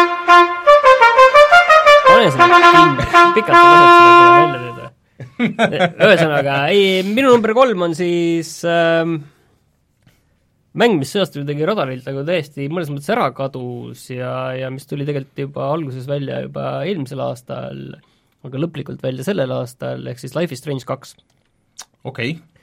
Sa vahepeal mängisid siis äh, läbi selle ma tegin läbi selle jah, et see, ei, ma tegelikult alguses mängisin läbi esimese osa, mis jättis mind suhteliselt külmaks mm. -hmm. ja nüüd siin eh, pühade ajal ma tegin selle teise, kolmanda, neljanda ja viienda läbi Mm -hmm. ja see oli oluliselt palju parem, kui mulle esimese osa järgi jäi mulje, mis proovis äh, kaks venda, kes tahavad jõuda äh, tagasi Seattle'ist Mehhikosse, sest äh, kogemata üks politseinik on seal surma saanud ja neid süüdistatakse sellest ning see on siis selline road trip läbi Ameerika, milles iga episood on tegelikult nagu omaette väike lugu mm -hmm. ja jagatud täitsa, täitsa viieks erinevas kohas, erinevad inimesed isegi enamasti seal ümber mm -hmm. ja kõik on erinevad episoodid, lood, üsna pikad, kolmetunnised ning äh, mulle kokkuvõttes läks see palju rohkem korda, kui ma arvasin mm. -hmm. sest alguses ta nagu väga palju keerles selliste Ameerika Trumpi ja liberaalide ja, ja ja konservatiivide ja selle jubeda teema ümber, mida nagu äh, teed Postimehe või Delfi lahti, sul on seda niikuinii terve päev täis ja siis sa ei taha veel seda endale mängust leida, on ju. et äh, aga kuidagi, kuidagi seda ei olnud seal üldse nii palju, nagu mulle esimese osa järgi jäi mulje mm.. ning äh, see, selles mõttes, et äh, seal ei ole vaata välksündmusi, et see on põhimõtteliselt lihtsalt dialoogivalikud ning mingid valikud veel, mis sa nüüd teed. Ja seal mõned asjad on tehtud palju paremini kui mm -hmm. enamikes sellistes mängudes, nagu noh, klassikaliselt Telltale'i valemist ta läheb äh, ka kenasti mööda, sest äh, sa teed mingeid valikuid, on ju, jah, et nüüd on kas selline jah-ei, on ju, aga paljud asjad mängivad selle nende väikeste valikutena, kuidas sa tegelikult, mis dialoogivalikud sa teed, mis mingid äh, seisukorrad, seisukohad sa võtad, ta läbi nende mängib lõpp, selle lõpptulemuse välja. et siis lõpptulemuse saavutamiseks sa ei tee seda jah-ei valikut, vaid okay. see natukene peenemalt tuleb. okei okay. äh,. Ma ei oska küsida isegi nagu sellega, see on niisugune asi, et sa ei saa midagi öelda, on ju, see on, võib-olla ma lihtsalt ütlen seda, et see on väga palju erinev äh, oma selliselt tonaalsuselt siis sellest esimesest Life is Strange'ist, et siin nagu noh, väga raske on seal mingi seos üldse on, aga minimaalne, need ei ole otseselt seotud okay.. põhimõtteliselt saaks teist mängida ka ilma esimest mängida? absoluutselt, absoluutselt. ja see on ka. Gamepassis olemas kusjuures. et äh, muidu ta vist on mingi kakskümmend eurot. aga need on tõesti nagu erinevad mängud mm, -hmm. et see on kindlasti üks halb asi, et kui sa tuled selle esimese mängu ja selle nii-öelda selle lisaosa, see Before the Stormi, selle mhm. pealt tuled, siis see ei ole üldse see mm, -hmm. ta on, ta on hoopis teistsugusem. mis see, proovi selle tonaalsust nagu natuke kirjeldada, mul jääb praegu suht segaseks Äh, see on sellest äh, kahe venna on ju sellisest äh, suhtest läbi selle road tripi ja Prison Break ühesõnaga? võib-olla veidikene, aga igas sellises osas on oma teema, selline läbiv teema, mil-, läbi mille seda, seda suhet siis kirjeldatakse. Hmm.. ja, ja ta on kindlasti võib-olla natukene selline rahulikum ja mõtlikum minu meelest, kui, kui, kui see esimene osa et äh, mina nagu soovitaksin seda mängida, eriti just neid, kellel see esimene osa, mind ennast ehmatas ka see, mitte ei ehmatanud, aga nagu ei tundunud nagu nii äge, see esimene osa. väga huvitav. vot, nii. nii. mida sa klõbistad seal äh,? Kas teeme niimoodi, et sina räägid oma teise osaga ei ole, kordamööda läheb. kordamööda, okei okay,, Rein, siis äh, sinu number kolm. Reinu äh, kaks tuhat üheksateist äh, aasta mängude top number kolm koht on äh, Anno tuhat kaheksasada mm..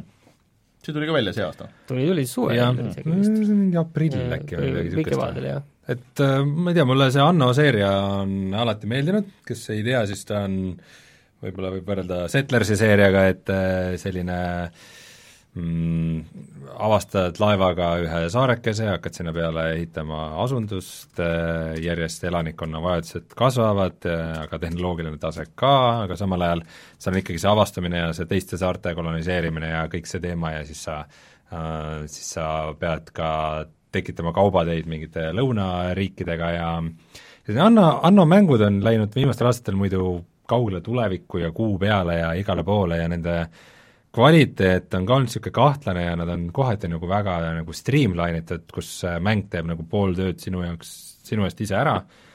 Äh,, siis peab ütlema, et see Anno tuhat kaheksasada oli niisugune niisugune suurepärane seeria comeback, äh, kus äh, see tuhat kaheksasada aasta on just niisugune nagu tööstusrevol-, revolutsiooni teema ja äh, siis sa peadki näiteks jälgima uued mehaanikad, mis tulenevad sellest, et sa pead jälgima, kuidas su linnas on reostus või, või siis äh, ka kultuuritaset nagu edendama, et näiteks, et sa käid ekspeditsioonidel ja saad nagu uusi loomi loomaaeda, mille mhm. peale saab turiste rohkem kutsuda ja seal nagu neid mehaanikaid ja asju oli nagu väga, väga palju, et ta ei olnud kindlasti veatu mäng, aga, aga ta oli nagu, ta oli niisugune õige anno ähm, mis nägi ilus välja, mis oli nagu väga kompleksne, ta oli, see, see tunne oli õige ja, ja ja ma ei tea, seda oli, see oli lihtsalt äge, mul oli nagu see, see on, nii hea meel, et see on olemas. see hetk, kus Rein ei pea nagu üldse midagi seletama, lihtsalt ta ütleb selle mängu nime ja siis kõik juba noogutavad ja saavad minge, aru tegelikult. minge vaadake videot meil. jaa, meil on selle video ka loomulikult olemas.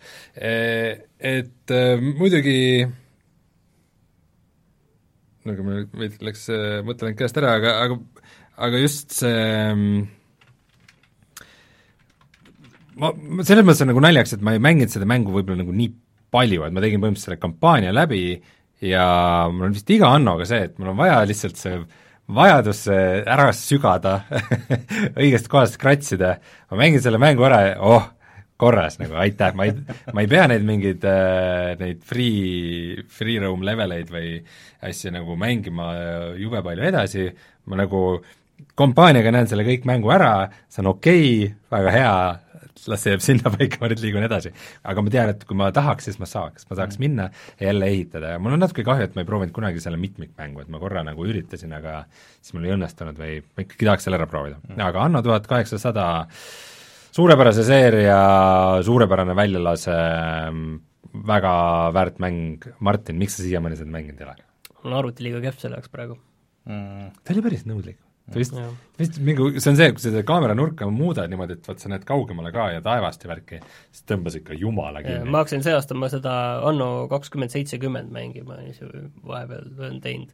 aga kuna see on selles Ubisofti launcher'is, siis ma unustan selle olemasolu pidevalt ära. pane kook peale, see jaa, võib-olla on hea mõte tõesti, jah nii, aga siis aasta minu aasta mäng number kolm äh, selles listis, ma arvan, et natuke võite juba arvata tegelikult, see on Resident Evil kaks remaster. nii ebaoriginaalne täiesti sama arvamus, mis vaatajatel äh, jah, äh, Resident Evil, me ei öelnudki tegelikult siia, see oli enne saadet, et me tegime väikse äh, küsitluse meie saate ah, chatis jah. ja siis rahva valikuks osutus Resident Evil kaks ja ma pean nendega nõustuma. et ma ei ole seda teist osa väga nagu mänginud, et kunagi ma olen seda demo teinud väga palju, see oli mingi PC Gameri see kaane diski peal ja siis nii edasi, et mul ei olnud nagu väga niisugust suurt nostalgiat sellega, aga minu meelest see oli ikka super nagu mäng. ja väike miinus on see, et ma ei suutnud seda teist nagu playthrough'd teha, sest et mul nagu tüütas ära see, et ma juba olen, enam-vähem nagu tean neid asju ja ja ma tegin selle ühe korra ära ja siis, kui ma mõtlesin seal, seal vahepeal on nagu need lõpus mingid need tüütumad osad, et okei okay,, et ma pean kõiki neid asju tegema uuesti. sa ei pidanud päris, aga, aga teine oli, teine oli tegelikult palju lihtsam, teine läbi no, mäng. aga okay, ka palju igavam, et ma, ma, ma võin sulle väikse spoilerina öelda, et äh, minu top kolmes ei ole Resident Evil kahte mm. ja see oli just see, et ma nagu isegi mõtlesin selle peale mm.. sest see oli ikkagi väga hea mäng, aga, aga põhjus, miks minu jaoks oli kindel ei, oli see, et see see, et näha seda õiget lõppu, sa pead selle teist korda läbi mängima, see teine läbimäng oli ikkagi suhteliselt nõrk ja suht ähm, mm. seitsekümmend viis protsenti sama. et ma, ma veel tükk aega mõtlesin, kui ma seda nagu teist äh, playthrough'd alustasin, et et okei okay,, et kas ma nagu pressin ennast selle läbi või et mul on praegu nagu väga pärast seda esimest nagu läbimängu, et mul on suhteliselt positiivne või noh, mitte suhteliselt, aga väga positiivne emotsioon, et et kas ma nagu rikun seda ära sellega, selle uue sellega äh, või mitte, sest et ma nagu ei tundnud nagu, et, et mul oleks väga lõbus seal või et ma nagu hetkel tahaks seda teha, ja siis ma pigem jätsin selle pooleli ja et, et minu emotsioon on põhineb sellel esimesel pigem siis, et ma mängin Chrisiga esimesena. et ähm, et äh, aga kõik muu oli kvaliteetne, ootan huviga, mis saab Resident Evil kolme remaster'ist, kui nad nüüd võtsid selle kolme põhiasja, tõid selle hoopis teise, ehk siis seal sind ajas terve mäng ajas keegi taga, et seda originaalselles kahes ei olnud üldse. uues ajab sind kaks taga. no vot, on ju et, äh, et Resident Evil kahes see töötas küll, aga kas ma nüüd kolmes nagu suudaks sedasama asja võtta nagu uuesti mängida täpselt, et sul on see, see pinge oli ikka rets nagu, eriti veel selle kahe nagu selles alguses, et enne kui sul need kõik need upgrade'id on ja head relvad on ja ja siis äh, no relvadest see... pole väga vahet, noh, et see natuke aeglustab. pigem, et, et sa oled uksed lahti teinud. Et, et sa saad ringiga joosta, see on kõige olulisem. jah, et äh, sa ei teadnud täpselt veel, kuhu minema peab või mis sind ees ootab, et kas ees on kollid või kuidas, sa pärast mm. nagu jagasid ära, et kui palju, et osade vastastega ega sa väga ei pea võitlema, et sa saad nendest mööda ja lükkad eest ära ja aga et noh, algus oli ikka väga hirmus see, kui see X, tuli kuskilt mis, coming for you. mis, äh, mis, mis ma nagu välja tooks veel Resident Evil kahe juures, on see, et et see, see on ilgelt äge, kui sul on nagu noh, nagu suur nagu triple A või mm, -hmm. või siis double A mäng, äh, mis nagu näeb hea välja ja mängib hästi ja kõik nagu produktsioonivärgid on kõrged, ja siis tal on mingisugune originaalne mängumehaanika mm. -hmm seda näeb ikka väga vähe. no see ei olnud just originaalne nagu vale sõna. ta oli remaster. ta oli unustatud vana võib-olla. jah, aga, jah, aga ta, noh, nad oleks täiesti vabalt võinud ei, ka teha oleks... sellise remaster'i, kus ongi see, et lähed uude kohta, tapad zombisid ja nagu that's it. no Alien Isolation tegelikult tegi seda mõned aastad varem põhimõtteliselt sama, mõnes mõttes ta tegi isegi palju selliselt peenemalt seda mm., et Resident Evil kahes sul oli suhteliselt lihtsamini see Mr X-i käitumine oli välja joonistatud kui see, kuidas see Alien Isolationis toimus, see oli natukene, sul jäi kogu aeg arusaamatuks see, et ku-, kuidas ta nüüd ilmub, mis, kas sa võid nüüd natuke ringi käia niiviisi ma ei tea, minu meelest see oli osa nagu mängust nagu lõpuks, et, et kui sa tead, okei okay,, ma pean umbes niimoodi ta läks natuke selliseks algoritmiks, on ju, Resident Evil kahe puhul, aga Isolationis oli see rohkem selline, et kurat, kas ma praegu siin võin joosta, praegu ta vist ei aja mind üldse taga, praegu on vist see mingi episood või see level, kus midagi ei juhtu, kas ma võin nüüd joosta aga Isolationis see kogu muu osa oli ikka päris õhuke ka, sest ta oli ikkagi ümber, ümber selle tulnuka peamiselt ehitatud. ei olnud, ei olnud, seal oli, seal on kolmkümmend tundi mängu, seal oli palju, palju. muud ka ikka, et see ei olnud päris üldse nii. et seal, seal oli vahepeal noh, kolmandik mängu, kus seda ei olnud, seda Alieni, siis mõtled, kas on sellepärast, et ma praegu niiviisi rahulikult hiilin ja olen väga ettevaatlik olnud või sellepärast, et ta ei peagi siin praegu olema muideks äh, res- äh,, Alien Isolation äh, põhimõtteliselt ka kaks tuhat üheksateist aasta mäng, sest et see tuli Switch'ile just ja väga hea port pidi olema. rõõm kuulda. nii, okei okay,, aga liigume siis minu teise Rainer tahab seal kõlli lasta vist. ei, lähme, lähme edasi. okei okay.. sa oled otsinud neid kõlle, aga las nad no, jäävad, las nad jäävad sinna brauserisse. okei okay,, paneme yeah., paneme, oota, Martinile siis alustusele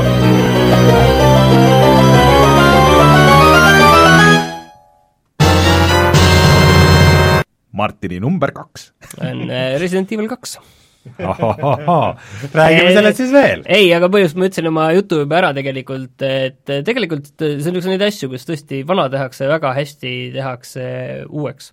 ja ma isegi ütlen, et see minule näiteks see, see teine pool meeldis ka, mulle mm. meeldis just näha seda teise nurga alt, mis minu etteheide oli seal pigem see, et kas ma siis juba oskasin nii hästi või see, ma mängisin nõksa raskemaga ka seda minu meelest, või hardi peal, et ta oli, hardi peal oli ka see teine läbimäng oli pigem nagu lihtsapoolne, et kui Krisiga ei olnud lihtne, Krisiga oli ikka raske sa tegid teist korda läbi või?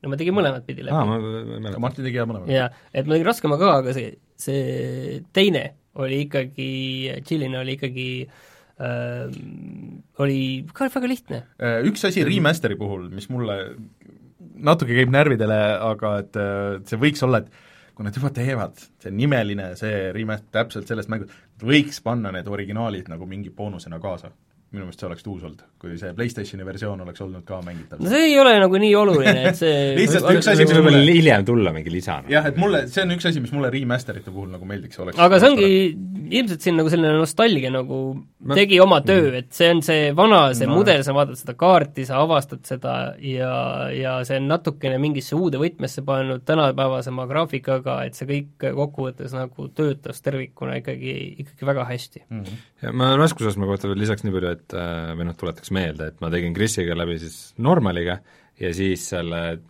kes see teine oli? Chill. jah, Chill. Chill Valentine. ei olnud. oli. jaa, oli küll. oli või? jah. sellepärast oli teema, et äh, et äh, ta nüüd uues treilis kolmandas osas on ka ja siis ta näeb natuke teistsugune välja mul on midagi peast täiesti sassis. igatahes äh, ma panin, tegin selle teise läbimängu siis, äh, siis Hardiga ja see oli alguses ilgelt raske ja siis äh, käis krõks ja siis ta oli jube lihtne, nagu jaburalt lihtne. ma lihtsalt lendasin sealt ülejäänust läbi, sa saad vaata teises läbimängus saad mingeid häid relvi ka, mingeid happega grenade launcher'id ja asju ja ikka ei olnud üldse nii raske, kui ma arvasin, see oli naljakas Äh, peaks üldse ütlema, et Capcomil oli päris hea aasta, äh, et mm. Resident Evil kaks, Devil May Cry viis, mis mul küll toppi ei jõudnud, aga no ikka ligidal oli. ja mm, siis äh, see e-, hea errori tegi muidugi, seal olid ju Leon ja Claire. olid või?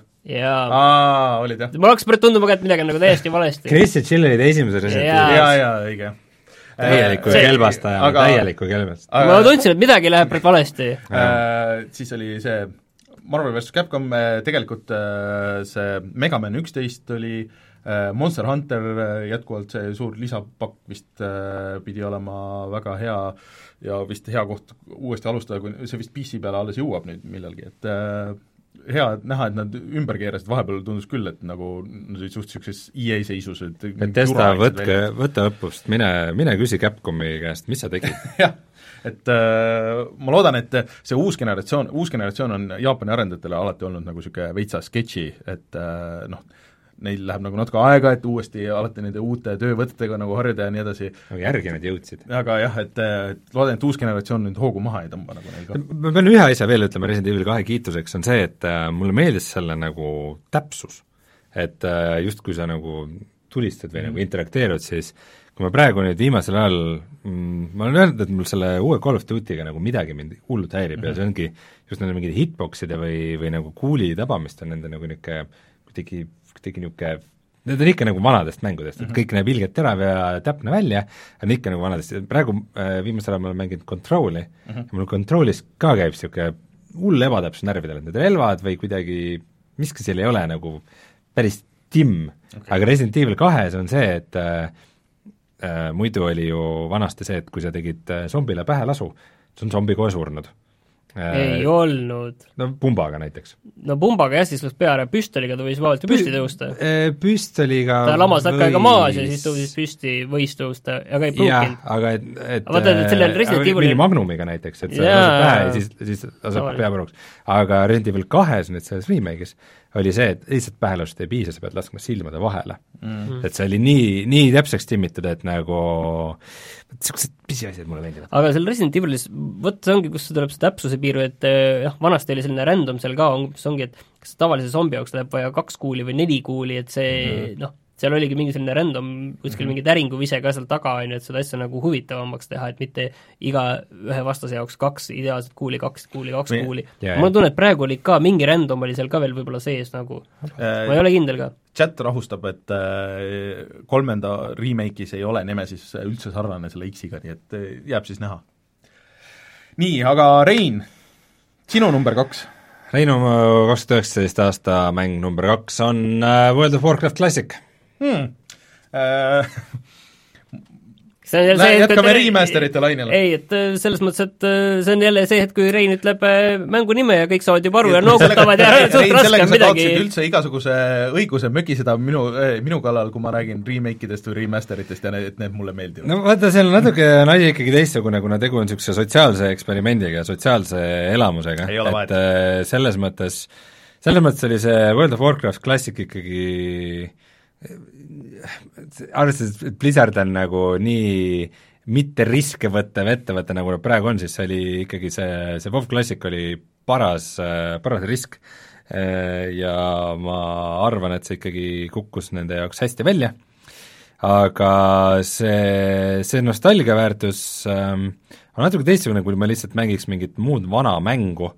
Mm,, esiteks sellest, sellepärast, et noh, mingisugused tehnilised piirangud, mis tollal olid, nagu nüüd on võimalik, et enam ei ole, kuigi neil ikkagi just mingite netikoodide ja lag'ide ja serverite ja teemadega on üsna palju nagu nässu läinud, aga, aga see emotsioon, mis ikkagi see, see mäng suutis ikka veel anda äh,, oli väga hämmastav ja äh, ja sellist mängu nagu World of Warcraft lihtsalt ei ole, et see, et seda sai uuesti kogeda teiste inimestega koos äh, legaalselt, ametlikult, niimoodi, et inimesed tundsid nagu see, mis nad mängus teevad, jääb neile alles, see ei, see ei kao kuhugi ära, kui mingi piraserver kinni pannakse, et see, see oli ikkagi väga, väga unikaalne ja ja ma, ega me vist sõpradega ei, ei osanud keegi oodata, et me nii hukked oleme seal jälle nii kiiresti, sest ütleme niimoodi, et ähm, kõik need äh, kõik need mehaanikad, mis on tänapäeva mobiilimängudes või äh, või siis ma ei tea, üldse mingites äh, vähegi mingit juhuslikkust äh, kasutavates mängudes, näiteks minu meelest Fortnite'i see mm, -hmm. vähemalt nii, nagu ta alguses oli, see relvade tropi süsteem, et see on nagu common või uncommon või epic või legendary, et noh, nad on seal veidi teiste nimedega, aga põhimõtteliselt see on ikkagi üsna üks-ühele tõmmatud äh, World of Warcraft või noh, väga paljud mängud on kopeerinud just neid mehaanikaid, mis, äh, mis seal olid, et äh, et jah, World of Warcraft on niisugune väga kange narkootikum okei äh,. Aga kui keegi on veel selle piiri peal, kas nüüd tasuks minna mängima seda? Ma ei ole enam kindel, sellega, sellega natukene oligi see jama, et see alguse emotsioon ja see alguses kõik neid, neid kohti vaadata ja kõik need asjad, mis seal tekkisid just sellest sotsiaalsusest, et seal on mm. mingite mingite minibosside tapmiseks tekkis nagu reaalselt järjekord või mm, -hmm. või sa pididki ootama seal tund aega, et esimene oma kõige esimene quest ära teha, et sa üldse saaksid oma mingisugused kõige baasasjad oma tegelasele kätte, sest et neid samu skorpione tappis seal parasjagu sada inimest. eks Reinule meeldib see, kui ta ei saa mängida mängu. ja see, aga see oli, see oli unikaalne, sest et sest et samal ajal sa suhtlesid teiste inimestega ja, ja ajasid nendega juttu ja inimesed lollitasid ja ja tegid mingeid jaburdusi ja nagu olid loomingulised seal, et äh, see kogu emotsioon oli nii tore, aga aga sinna nüüd nagu paar kuud hiljem oli jälle see, et äh, üks niisugune ilus väljend on mänguarendajatel. kui mängijal on võimalus siis nad optimiseerivad mängust kogu fun'i välja ja nii on. ja World of Warcraft Classic on kõige parem näide sellele.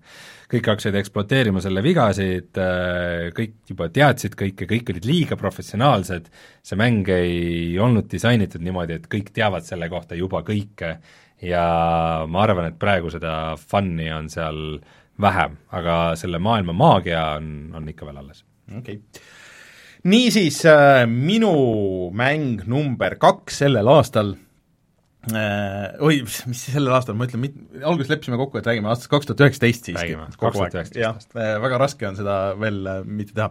aga minu number kaks lemmikmäng aastal kaks tuhat üheksateist on ka remaster, ehk siis uh, The Legend of Zelda Link's Awakening uh, Switchi peal uh,, mis äh, on siis noh, mul oli nagu nii rets lihtsalt nostalgia selle mängu vastu, et see oli esimene mäng, mis mul oli vist üldse, ehk siis kunagi toodi Soomest äh, GameBoy konsool, see oli GameBoy mäng originaalis ja ja ma ei teadnud mitte midagi, noh, mängudest natuke teadsin, aga Zeldast ei teadnud kohe kindlasti midagi ja siis anti nagu esimese asjana see kätte, et näed, mine avasta, on ju, ja siis ma panin ikka tunde ja tunde ja tunde sinna ja no täiesti aru saamata nagu, et mis seal mingites hetkedes teha tuleb aga et see remaster on ka ikka väga hästi tehtud tegelikult, äh, välja arvatud need mõni, mõningased need mingid tehnilised kalad, mis äh, hiljem läksid ka nagu paremaks tegelikult, et äh, aga mulle hullult meeldis see look nagu, et niisugune see välja nägi ja kuidas see ongi, et nagu natuke niisugune see nukumaailm ja veits seda blurri nagu selles äärtes ja ja need mõned disainivalikud, et mis tegid seal neid asju nagu selgemaks Äh, mis muidu olid selles GameBoy noh, lihtsalt mustvalget ekraani vaatad, et noh, et siis oligi nagu ebaselge või, või noh, nagu piirangud olid seal sees, et äh, ta oli lühike, ta oli niisugune konkreetne, äh, nad ei olnud midagi nagu katki teinud seal, et see on suhteliselt nagu üks-ühele, nii nagu see originaal oli, välja arvatud siis see äh, väljanägemine ja nii edasi, et, et minu meelest väga sarnane äh, või tähendab, see on äh, teine viis, kuidas hästi teha remaster'it, et äh, vaata, Resident Evil tegi nagu noh, põhimõtteliselt tegi uue mängu sellesama baasi peale, et nad võtsid selle äh, originaali, mis juba noh, eos on ju, oli tegelikult väga hea mäng, et see on ikka uskumatult hea, kui sa võtad äh, arvesse, et mis platvormile, mis ajal, kuidas see tehtud oli, on ju et see kõik töötas väga tänapäevaselt ja, ja nad lihtsalt tõid selle nagu uutele konsoolidele.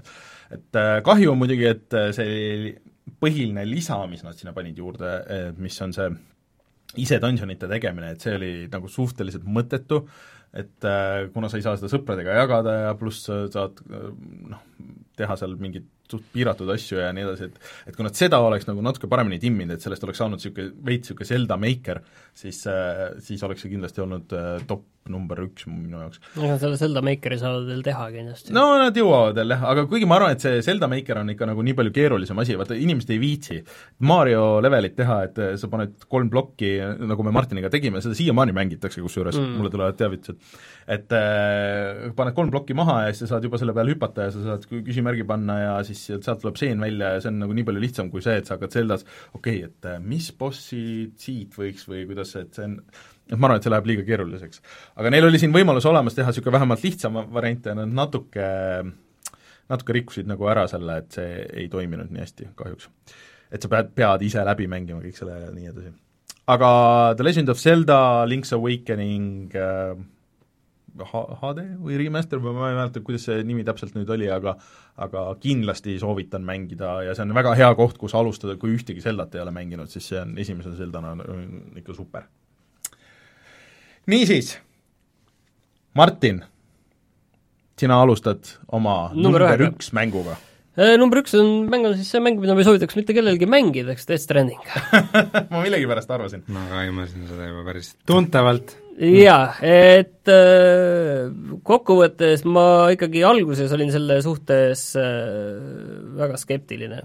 alguses siis, kui ma juba tükk aega mängisin aga ilmselt see, see teine pool nagu minu jaoks päästis selle nii palju ära, et esimesed viiskümmend tundi ei meeldinud sulle? see oli kokku kaheksakümmend tundi, ta oli pigem nagu, ei, mitte, mitte ei meeldinud, polnud õige sõna, aga lihtsalt see on see mäng, mida see, vaata millest vanemad siin olid? ei, ütleme, ei see on, ütleme see, et äh, sõber soovitab sellest, et kuule, küsib on ju nõu, et kuule, et kas osta seda autot või et see on päris hea, mulle tundub nagu see hea auto, et kas ma peaksin seda ostma, siis sõbrale ei, ei, ei, ära osta, on ju, aga kurat, ise võtaks kohe e, et see on umbes see asi, et ja sa südamest ütled sõbrale, et ei, mis see on tõesti nii kehv auto, no jumal küll, vaat kas see logiseb, ma ei tea, seal see, selle see, see auto, auto, auto, auto autor on nagu mingid mingi selline maniak, kes on nagu nii palju äh, mingit enda ego sinna sisse Kusjuures pannud. Kojima disainitud autot tahaks yeah, minna. et, et see, see, sa ei soovitaks seda mitte kellelegi, on ju, siis ise ah, pead seda, sõidad selle autoga ja naudid niiviisi kuskil ägedates mägedes. et eriti seal teises pooles on väga ägedad äh, loojupid, mis, äh, mis äh, ütleme, et Hartman on üks osa, mis mulle väga meeldis, et see ütleb, vot neile, kes on seda mänginud, ütleb midagi, seda ma ütlen meelega, on ju, et aga vaata, see on üks neid mänge, mis see aasta, ega ei olnud lihtne selliseid suuri mänge läbi mängida mul, aga Death Stranding oli üks mäng, mida kaheksakümmend tundi ei olnud lihtne läbi teha. Ei olnud, see läks väga ruttu. aga äh, Death Strandingu kohta, et äh, seal on paar asja, mis mind noh, nagu hullult huvitavad, et minu meelest näeb väga tuus näeb välja kõik see nagu visull ja kõik nagu see, et ma tahaks mulle visull ei meeldi, mis kurat üldse, ma ei tea. miks? ma ei tea, mulle, mulle ja, ja mulle meeldivad need sotsiaalsed hullused, mis sinna sisse on pandud, on ju, et, et kuidas see nagu lingib nagu teiste mängijatega ja sa saad nagu veits teiste mängumaailma nagu mõjutada ja või käru keerata või siis mitte või et, et noh, nagu et see kõik tundub väga tuus, aga ma ei ole nõus nagu, mul ei ole lihtsalt seda aega ega jaksu nagu, et panna kaheksakümmend tundi mängu, kust see on umbes sama, nagu ma hakkaks, teeks ikkagi võtaks selle Rage'i ja teeks läbi, kuigi see oli vist mingi viisteist tundi pikk. ei, vaata selles mõttes, et, et noh vaata, seal on midagi, mida on mõnes mõttes nagu hästi raske sõnastada ja mida on raske nagu edasi anda, aga mingi asi, mis sa seal teed, see, võib-olla see see eesmärk, see ei, mitte isegi see, see eesmärgi pärastatus, iga selle väikse ülesande see eesmärgi pärastatus ja et sa vead seda kandamit sinna, see on keeruline sellepärast praegu see, et see on raske või on see õrn või mi-, mingi häda on sellega ja kui sa selle väikse jupi nagu ära teed, see terve mäng mitte noh, ei ole jaotatud mingi leveliteks või midagi sellist, vaid nendeks väikesteks ülesanneteks ja, ja ah jess, ma tegin selle ära, tehtud, nii väga hea, võtame järgmise, teed selle ära, tehtud, väga hea. kuidagi see rütm kuidagi seal mm. nagu, kuidagi oli hästi motiveeriv ja see ongi see mäng, mille kohta ma ütlen ühe korra veel, on ju, et mulle, mulle endale mingil veidral põhjusel see meeldis, aga see ei ole see mäng, mis ma ütlen, et keegi ütleb, et äh, just oli olukord siin, et äh, soovita mulle midagi PlayStation nelja peal mängida, midagi head värsket, on ju, see ei ole see mäng, on ju, et selline veider olukord. Loodetavasti inimesed annavad mulle andeks. Äh, aga Rein, sinu mäng number üks aastal kaks tuhat üheksateist? minu mäng number üks äh, aastal kaks tuhat üheksateist on samuti niisugune mäng, mida ma ei soovita kellelegi mängida, ehk siis Sekiro, Shadows Die Twice. Tegu on siis äh, Dark Soulsi tegijate viimase mängi, mänguga, mis toimub feodaalses Jaapanis ja ma ei tea, palju on räägitud selle raskusastmest, aga ma arvan, et see, kogu see mängu nagu kulgemine ja olemine ja ta on niisugune ka, mis ilmselt ei sobi kõikidele inimestele ja ja need kaks viimast bossi olid nagu ikka, no see oli lihtsalt debiilsus kuubis.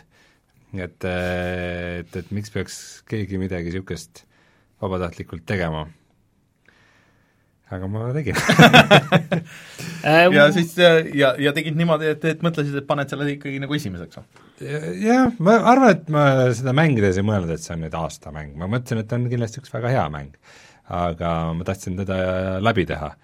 Äh, aga aga ta oli, palju asju seal ikkagi klikkis hästi, et äh, kuigi ta ei olnud visuaalselt võib-olla nüüd ka aasta parim mäng kindlasti, siis siis oli mingeid niisuguseid väga müstilisi või ilusaid momente, aga noh, ma arvan, et äh, ma arvan, et mis sellise mängu juures on kõige suurem väärtus, on see, et ähm, et kui sa nagu ikkagi tükk aega hiljem sa mäletad mm -hmm. mingeid episoode, et see ei ole lihtsalt mingisugune järjekordne müra, mis kuidagi sinust mööda läheb, vaid et see, et see kuradi ahv seal ellu ärkas, see oli ikka, see oli ikka kohutav või, või see, et äh, kus toimus mingisugune asi story's või nagu kogu see meeleolu ja, ja mingi see müstika ja niisugune omamoodi niisugune meditatiivne olek ja see, see peategelane, need kõik olid ähm,, see kõik oli kuidagi väga läbimõeldud ja väga niisugune, see oli niisugune autoritöö, ütleme mm. niimoodi.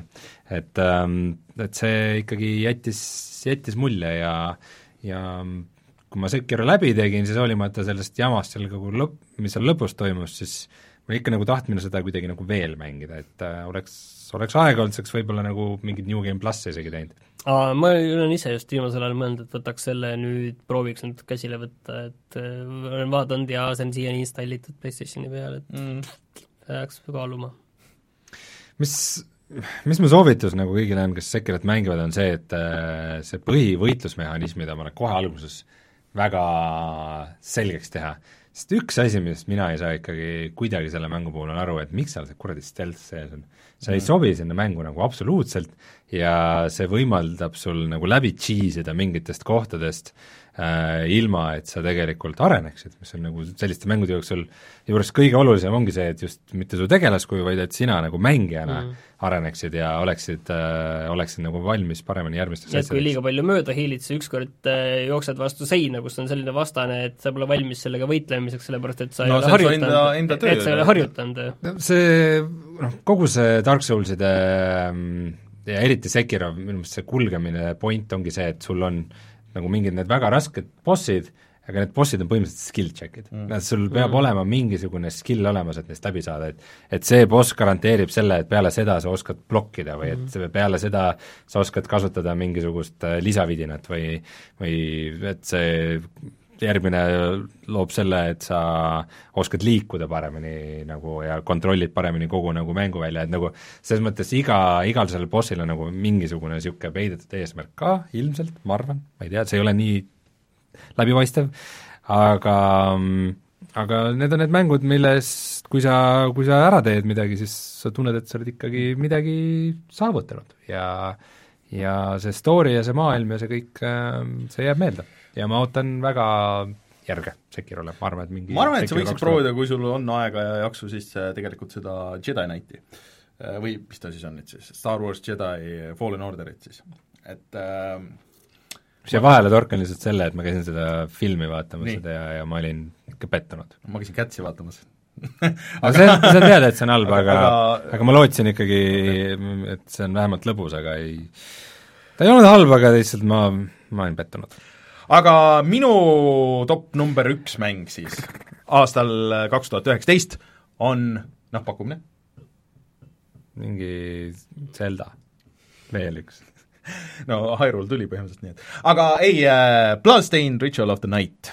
see sai ju digist ühe punkti. see on see ühe ja, punkti mäng. see on see digi ühe punkti mäng, jah äh, vaat kui see välja tuli, siis ma, noh, see on ka olnud äh, üks nendest mängudest, vaata, mis sa siin üritasid meelde tuletada, et aa, et see on olnud tegemises mingi miljon aastat ja seal kuradi Kickstarteris ja et no mingid demod, mis inimestele ei meeldinud ja vaat sina hakkasid ka mängima ja siis see oli niisugune nagu kahtlane ja mina hakkasin ka mängima ja see oli nagu niisugune mul ikka no, ei, ei, ei võtnud, mina, mina ei võtnud konksu ja. alla ja jäi, kuigi mulle sellist tüüpi mängud väga meeldivad. aga ma arvan, et sa peaksid stick ima sellega, et seal mingist hetkest käib see samamoodi, minu meelest see, kus te videot tegite, kus on noh, seal kohe alguses on see suur see Äh, see verebassein ja nii edasi, kui sa sellest saad läbi, kui sa jõuad sinnamaani, siis see kaart läheb nagu, nagu ekstra lahti ja siis nagu on, sul on kogu aeg nagu niisugune tunne, et okei okay,, et mul on mingisugune uus asi kuskil ootamas, mul on midagi seal olemas, et äh, muidugi juhtus paar, kuna mul jäi paar pausi jäi sisse, siis no paar korda ikka eksisin niimoodi ära, et ma ei tea, kuhu minna, ma ei tea, mida teha, äh, et äh,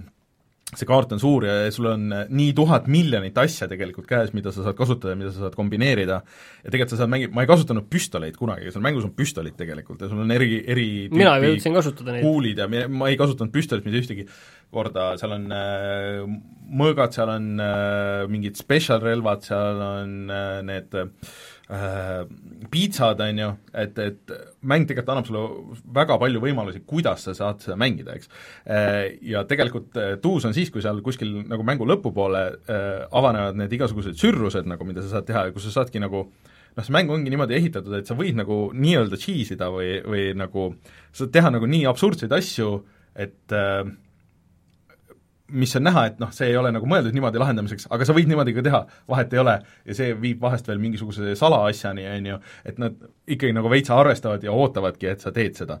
et äh, sa saad kombineerida neid riideid ja kõiki neid asju niimoodi, et sa saad ehitada nii spetsiifilise karakteri, et et äh, see läheb lihtsalt hulluks kätte ära, et ma pärast veel vaatasin, kui ma tegin läbi selle, siis vaatasin veel videoid sellest ja nagu ilge kiht tehtis, tekkis samamoodi, et ah kurat, oleks mul nagu rohkem aega, et ma läheks sinna New Game plussi, kuigi ma te-, panin sinna vist mingi peaaegu kolmkümmend tundi või midagi niisugust või isegi üle kolmekümne tunni.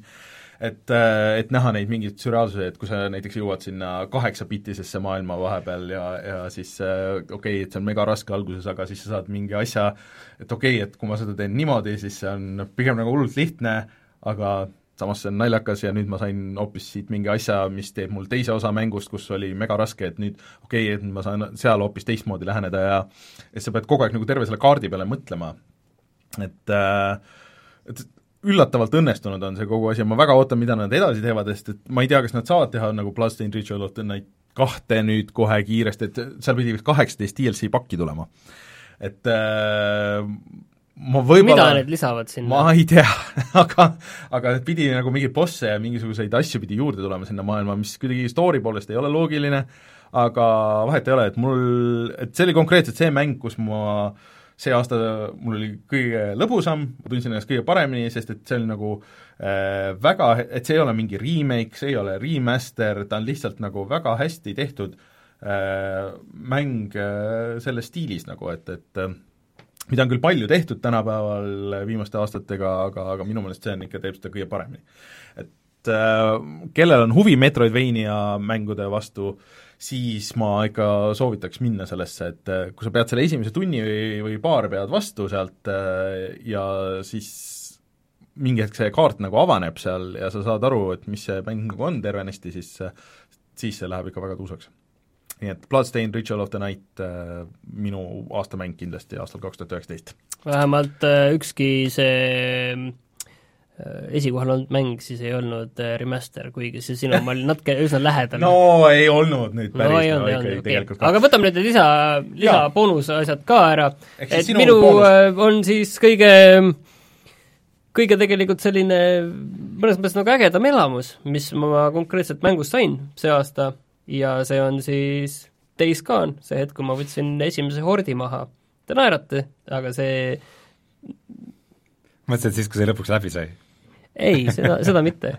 et ta, ta on nagu äh,, Days Gone on asi, kus on mänguna äh, väga palju puudujääke, kus on väga palju häid asju, mis näitavad äh, äh, Red Dead Redemption kahele ka tagatulesid, aga ma olen nõus, et kokkuvõttes see on selline keskpärane mäng, aga need hordivõitlused need on ikkagi selles mõttes ikkagi hullumeelsed asjad, kus sa tõesti, ja need on pikad mm.. Need, need ei ole niiviisi, see on ikka niiviisi, et viisteist minutit, kakskümmend minutit jooksed, proovid igasugu asju leida, mida kõike annab kasutada, ja siis leiad mingi asja ja saad jälle ühe zombi sellest paarisajast maha löödud. et see on selline konkreetne hetk, kus sa oled kogu aeg, kakskümmend minutit, sa oled hädas, sa oled hädas, kuni noh, sa mingi hetk vaatad, okei okay,, nüüd on üle poolte maha võetud, mingi hetk on see, kus sa suudad neid zombide arvu juba lugeda, et okei okay,, siin on vist umbes mingi kakskümmend, on ju, ei ole enam mingi suur mass, vaid on mingi kakskümmend, on ju. see ei ole veel see hetk, kus on oh, see põhitöö on tehtud, ei ole, seal on põhimõtteliselt see, et sul kolm tükki on seal lõpus alles, see on ka veel probleem, on ju, ja sa pead kogu selle aja suutma elus püsida ja midagi kogu aeg välja mõelda ja kogu aeg edasi liikuda.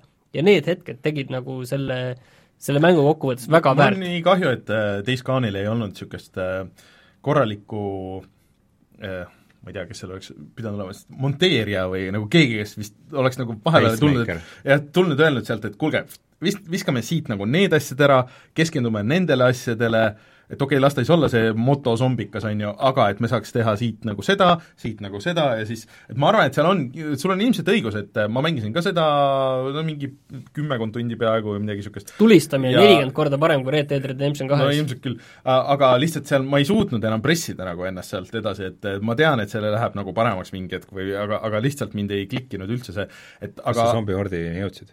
Äh, seal alguses kohe seal tuleb no neid, sa saad näha, aga see reaalne võitlus äh, esimest korda, kus sa pead maha võtma et see on kuskil seal kolmekümne tunni juures see on teises pooles, aga jah, et, et, äh, et vaata, kõik need asjad, need ägedamad asjad on jäetud sinna taha kuskile ja et et no nad tegid seda, seda rasket ja aeglast algust, nagu noh, Red Dead Redemption kahes on ka selline, et noh, sul on terve see maailma raskus on su õlgadel ja sa teed ja see ongi raske ja see on aeglane, sest äh, see peabki selline olema, on ju, tegid seda, nad ka seal samamoodi, aga eks nad tegid natukene seda veel omakorda kohmakamalt, on ju, ja see kindlasti selline alguses maksis kätte ja siis sellised Raineri tüüpi inimesed äh, pudenesid seal vagunist maha, on ju, kohe seal sadulast maha kohe alguses, et äh, aga seal midagi, noh, see kogu see story ka, ma saan aru, et see läheb paremaks, see story lihtsalt ja see näitlemine lihtsalt oli halb nagu seal ikka nagu alguses. ei, ma olen nõus, sellega et, ma olen äh, nõus. seal, seal on nagu noh, potentsiaali on kõvasti, oleks olnud, aga, aga see tundub selline asi, et kui nad oleks saanud seda nagu mingi pool aastat veel rahulikus tempos teha mm., siis oleks olnud kindlasti tervikuna nagu parem mm.. aga ma ütlen, et äh,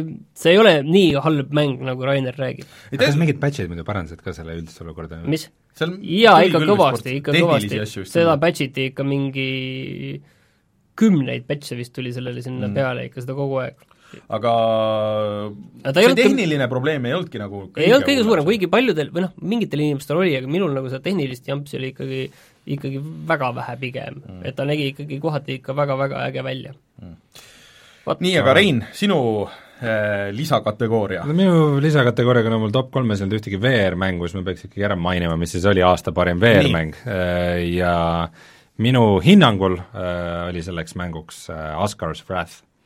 Siin oli mingeid asju veel, mis võib-olla kuidagi esile tõusid äh,, Boneworksi ma ei ole veel mänginud, kindlasti tahaks mm. mängida äh,. Selle, sellega öeldakse ka, et mitmes mõttes ta kindlasti nagu tõstab taset, aga Asgard's Wrath on, on, võib siis öelda, et on niisugune nagu esimene niisugune suur, suure eelarveline, hästi disainitud, hea stuudio poolt tehtud äh, VR-mäng, äh, mis nägi ikka mõnel hetkel välja nagu superäge ja seal on, näiteks alguses on kohe üks moment, kus äh, lähed sisse ühte jumalate pubisse või tavernisse ja see on lihtsalt nagu niisugune lumeväli, kus seisab nagu uks ja taevas on virmalised.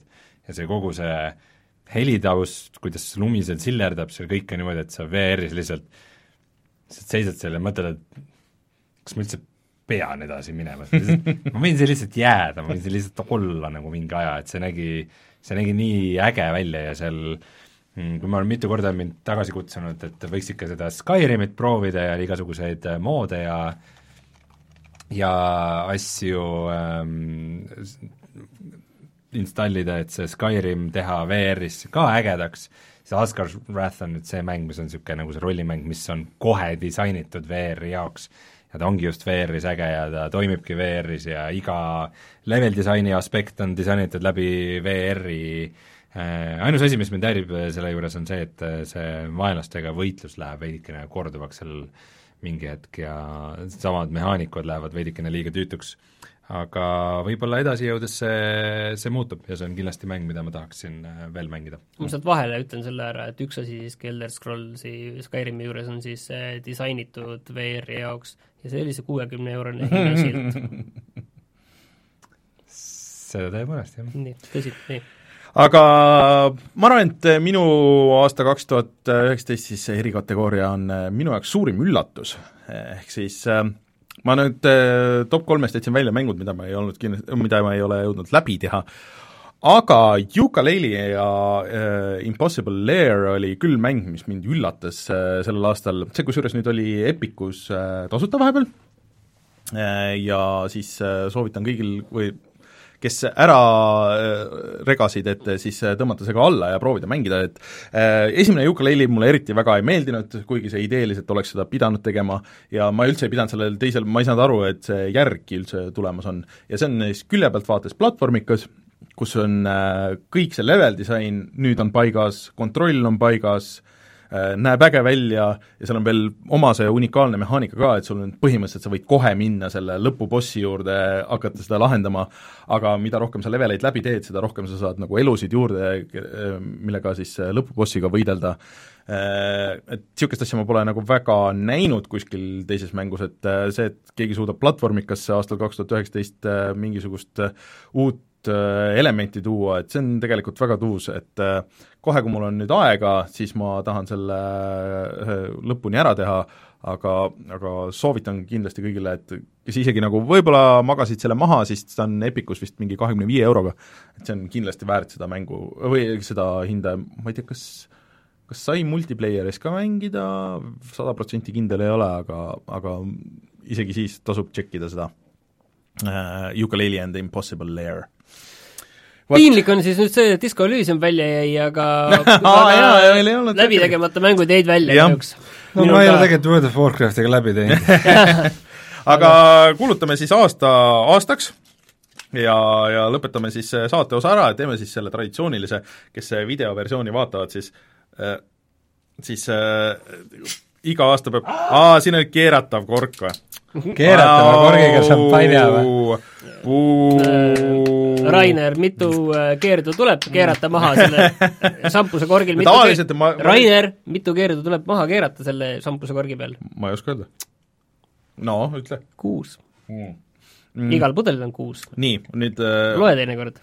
ma võtsin selle äh, väikse selle ma olen ise, aitäh. ahah, sest et muidu tavaliselt jääb see suur ja mul jääb pudel. see ma, ärakallamiseks.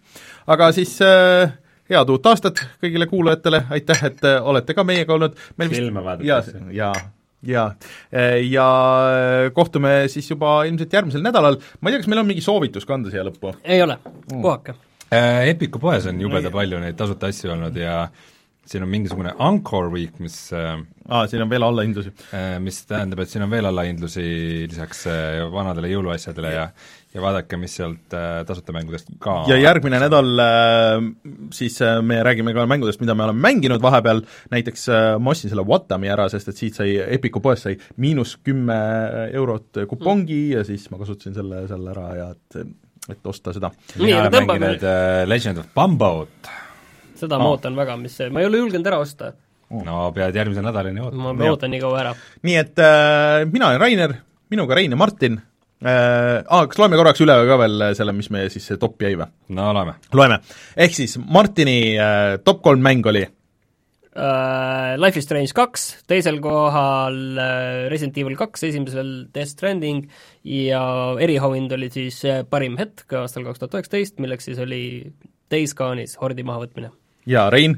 minu mäng number kolm oli Anno tuhat kaheksasada, number kaks oli World of Warcraft Classic, number üks oli Sekiro Shadows Twi-, Die Twice ja erikategooria oli parim VR-mäng, milleks on Asgar's Wrath. jah, ja minu äh, number kolm äh, oli siis äh, Resident Evil kaks äh, remake, siis äh, number kaks äh, oli äh, Zelda Link's Awakening ja number üks oli äh, Bloodstained Ritual of the Night ja siis eriauhind läks äh, suurimale üllatajale, milleks oli Yooka-Laylee and Impossible Lair. nii et äh, selline oli meie aasta kaks tuhat üheksateist, järgmine nädal siis jah, räägime, mis me mänginud oleme ja siis teeme väikseid ennustusi ka siis kaks tuhat üheksateist aastale ja vaatame, mida me ootame ja kõiki nagu neid asju. aga me oleme siis olemas järgmisel neljapäeval juba ja tšau! tšau! tšau!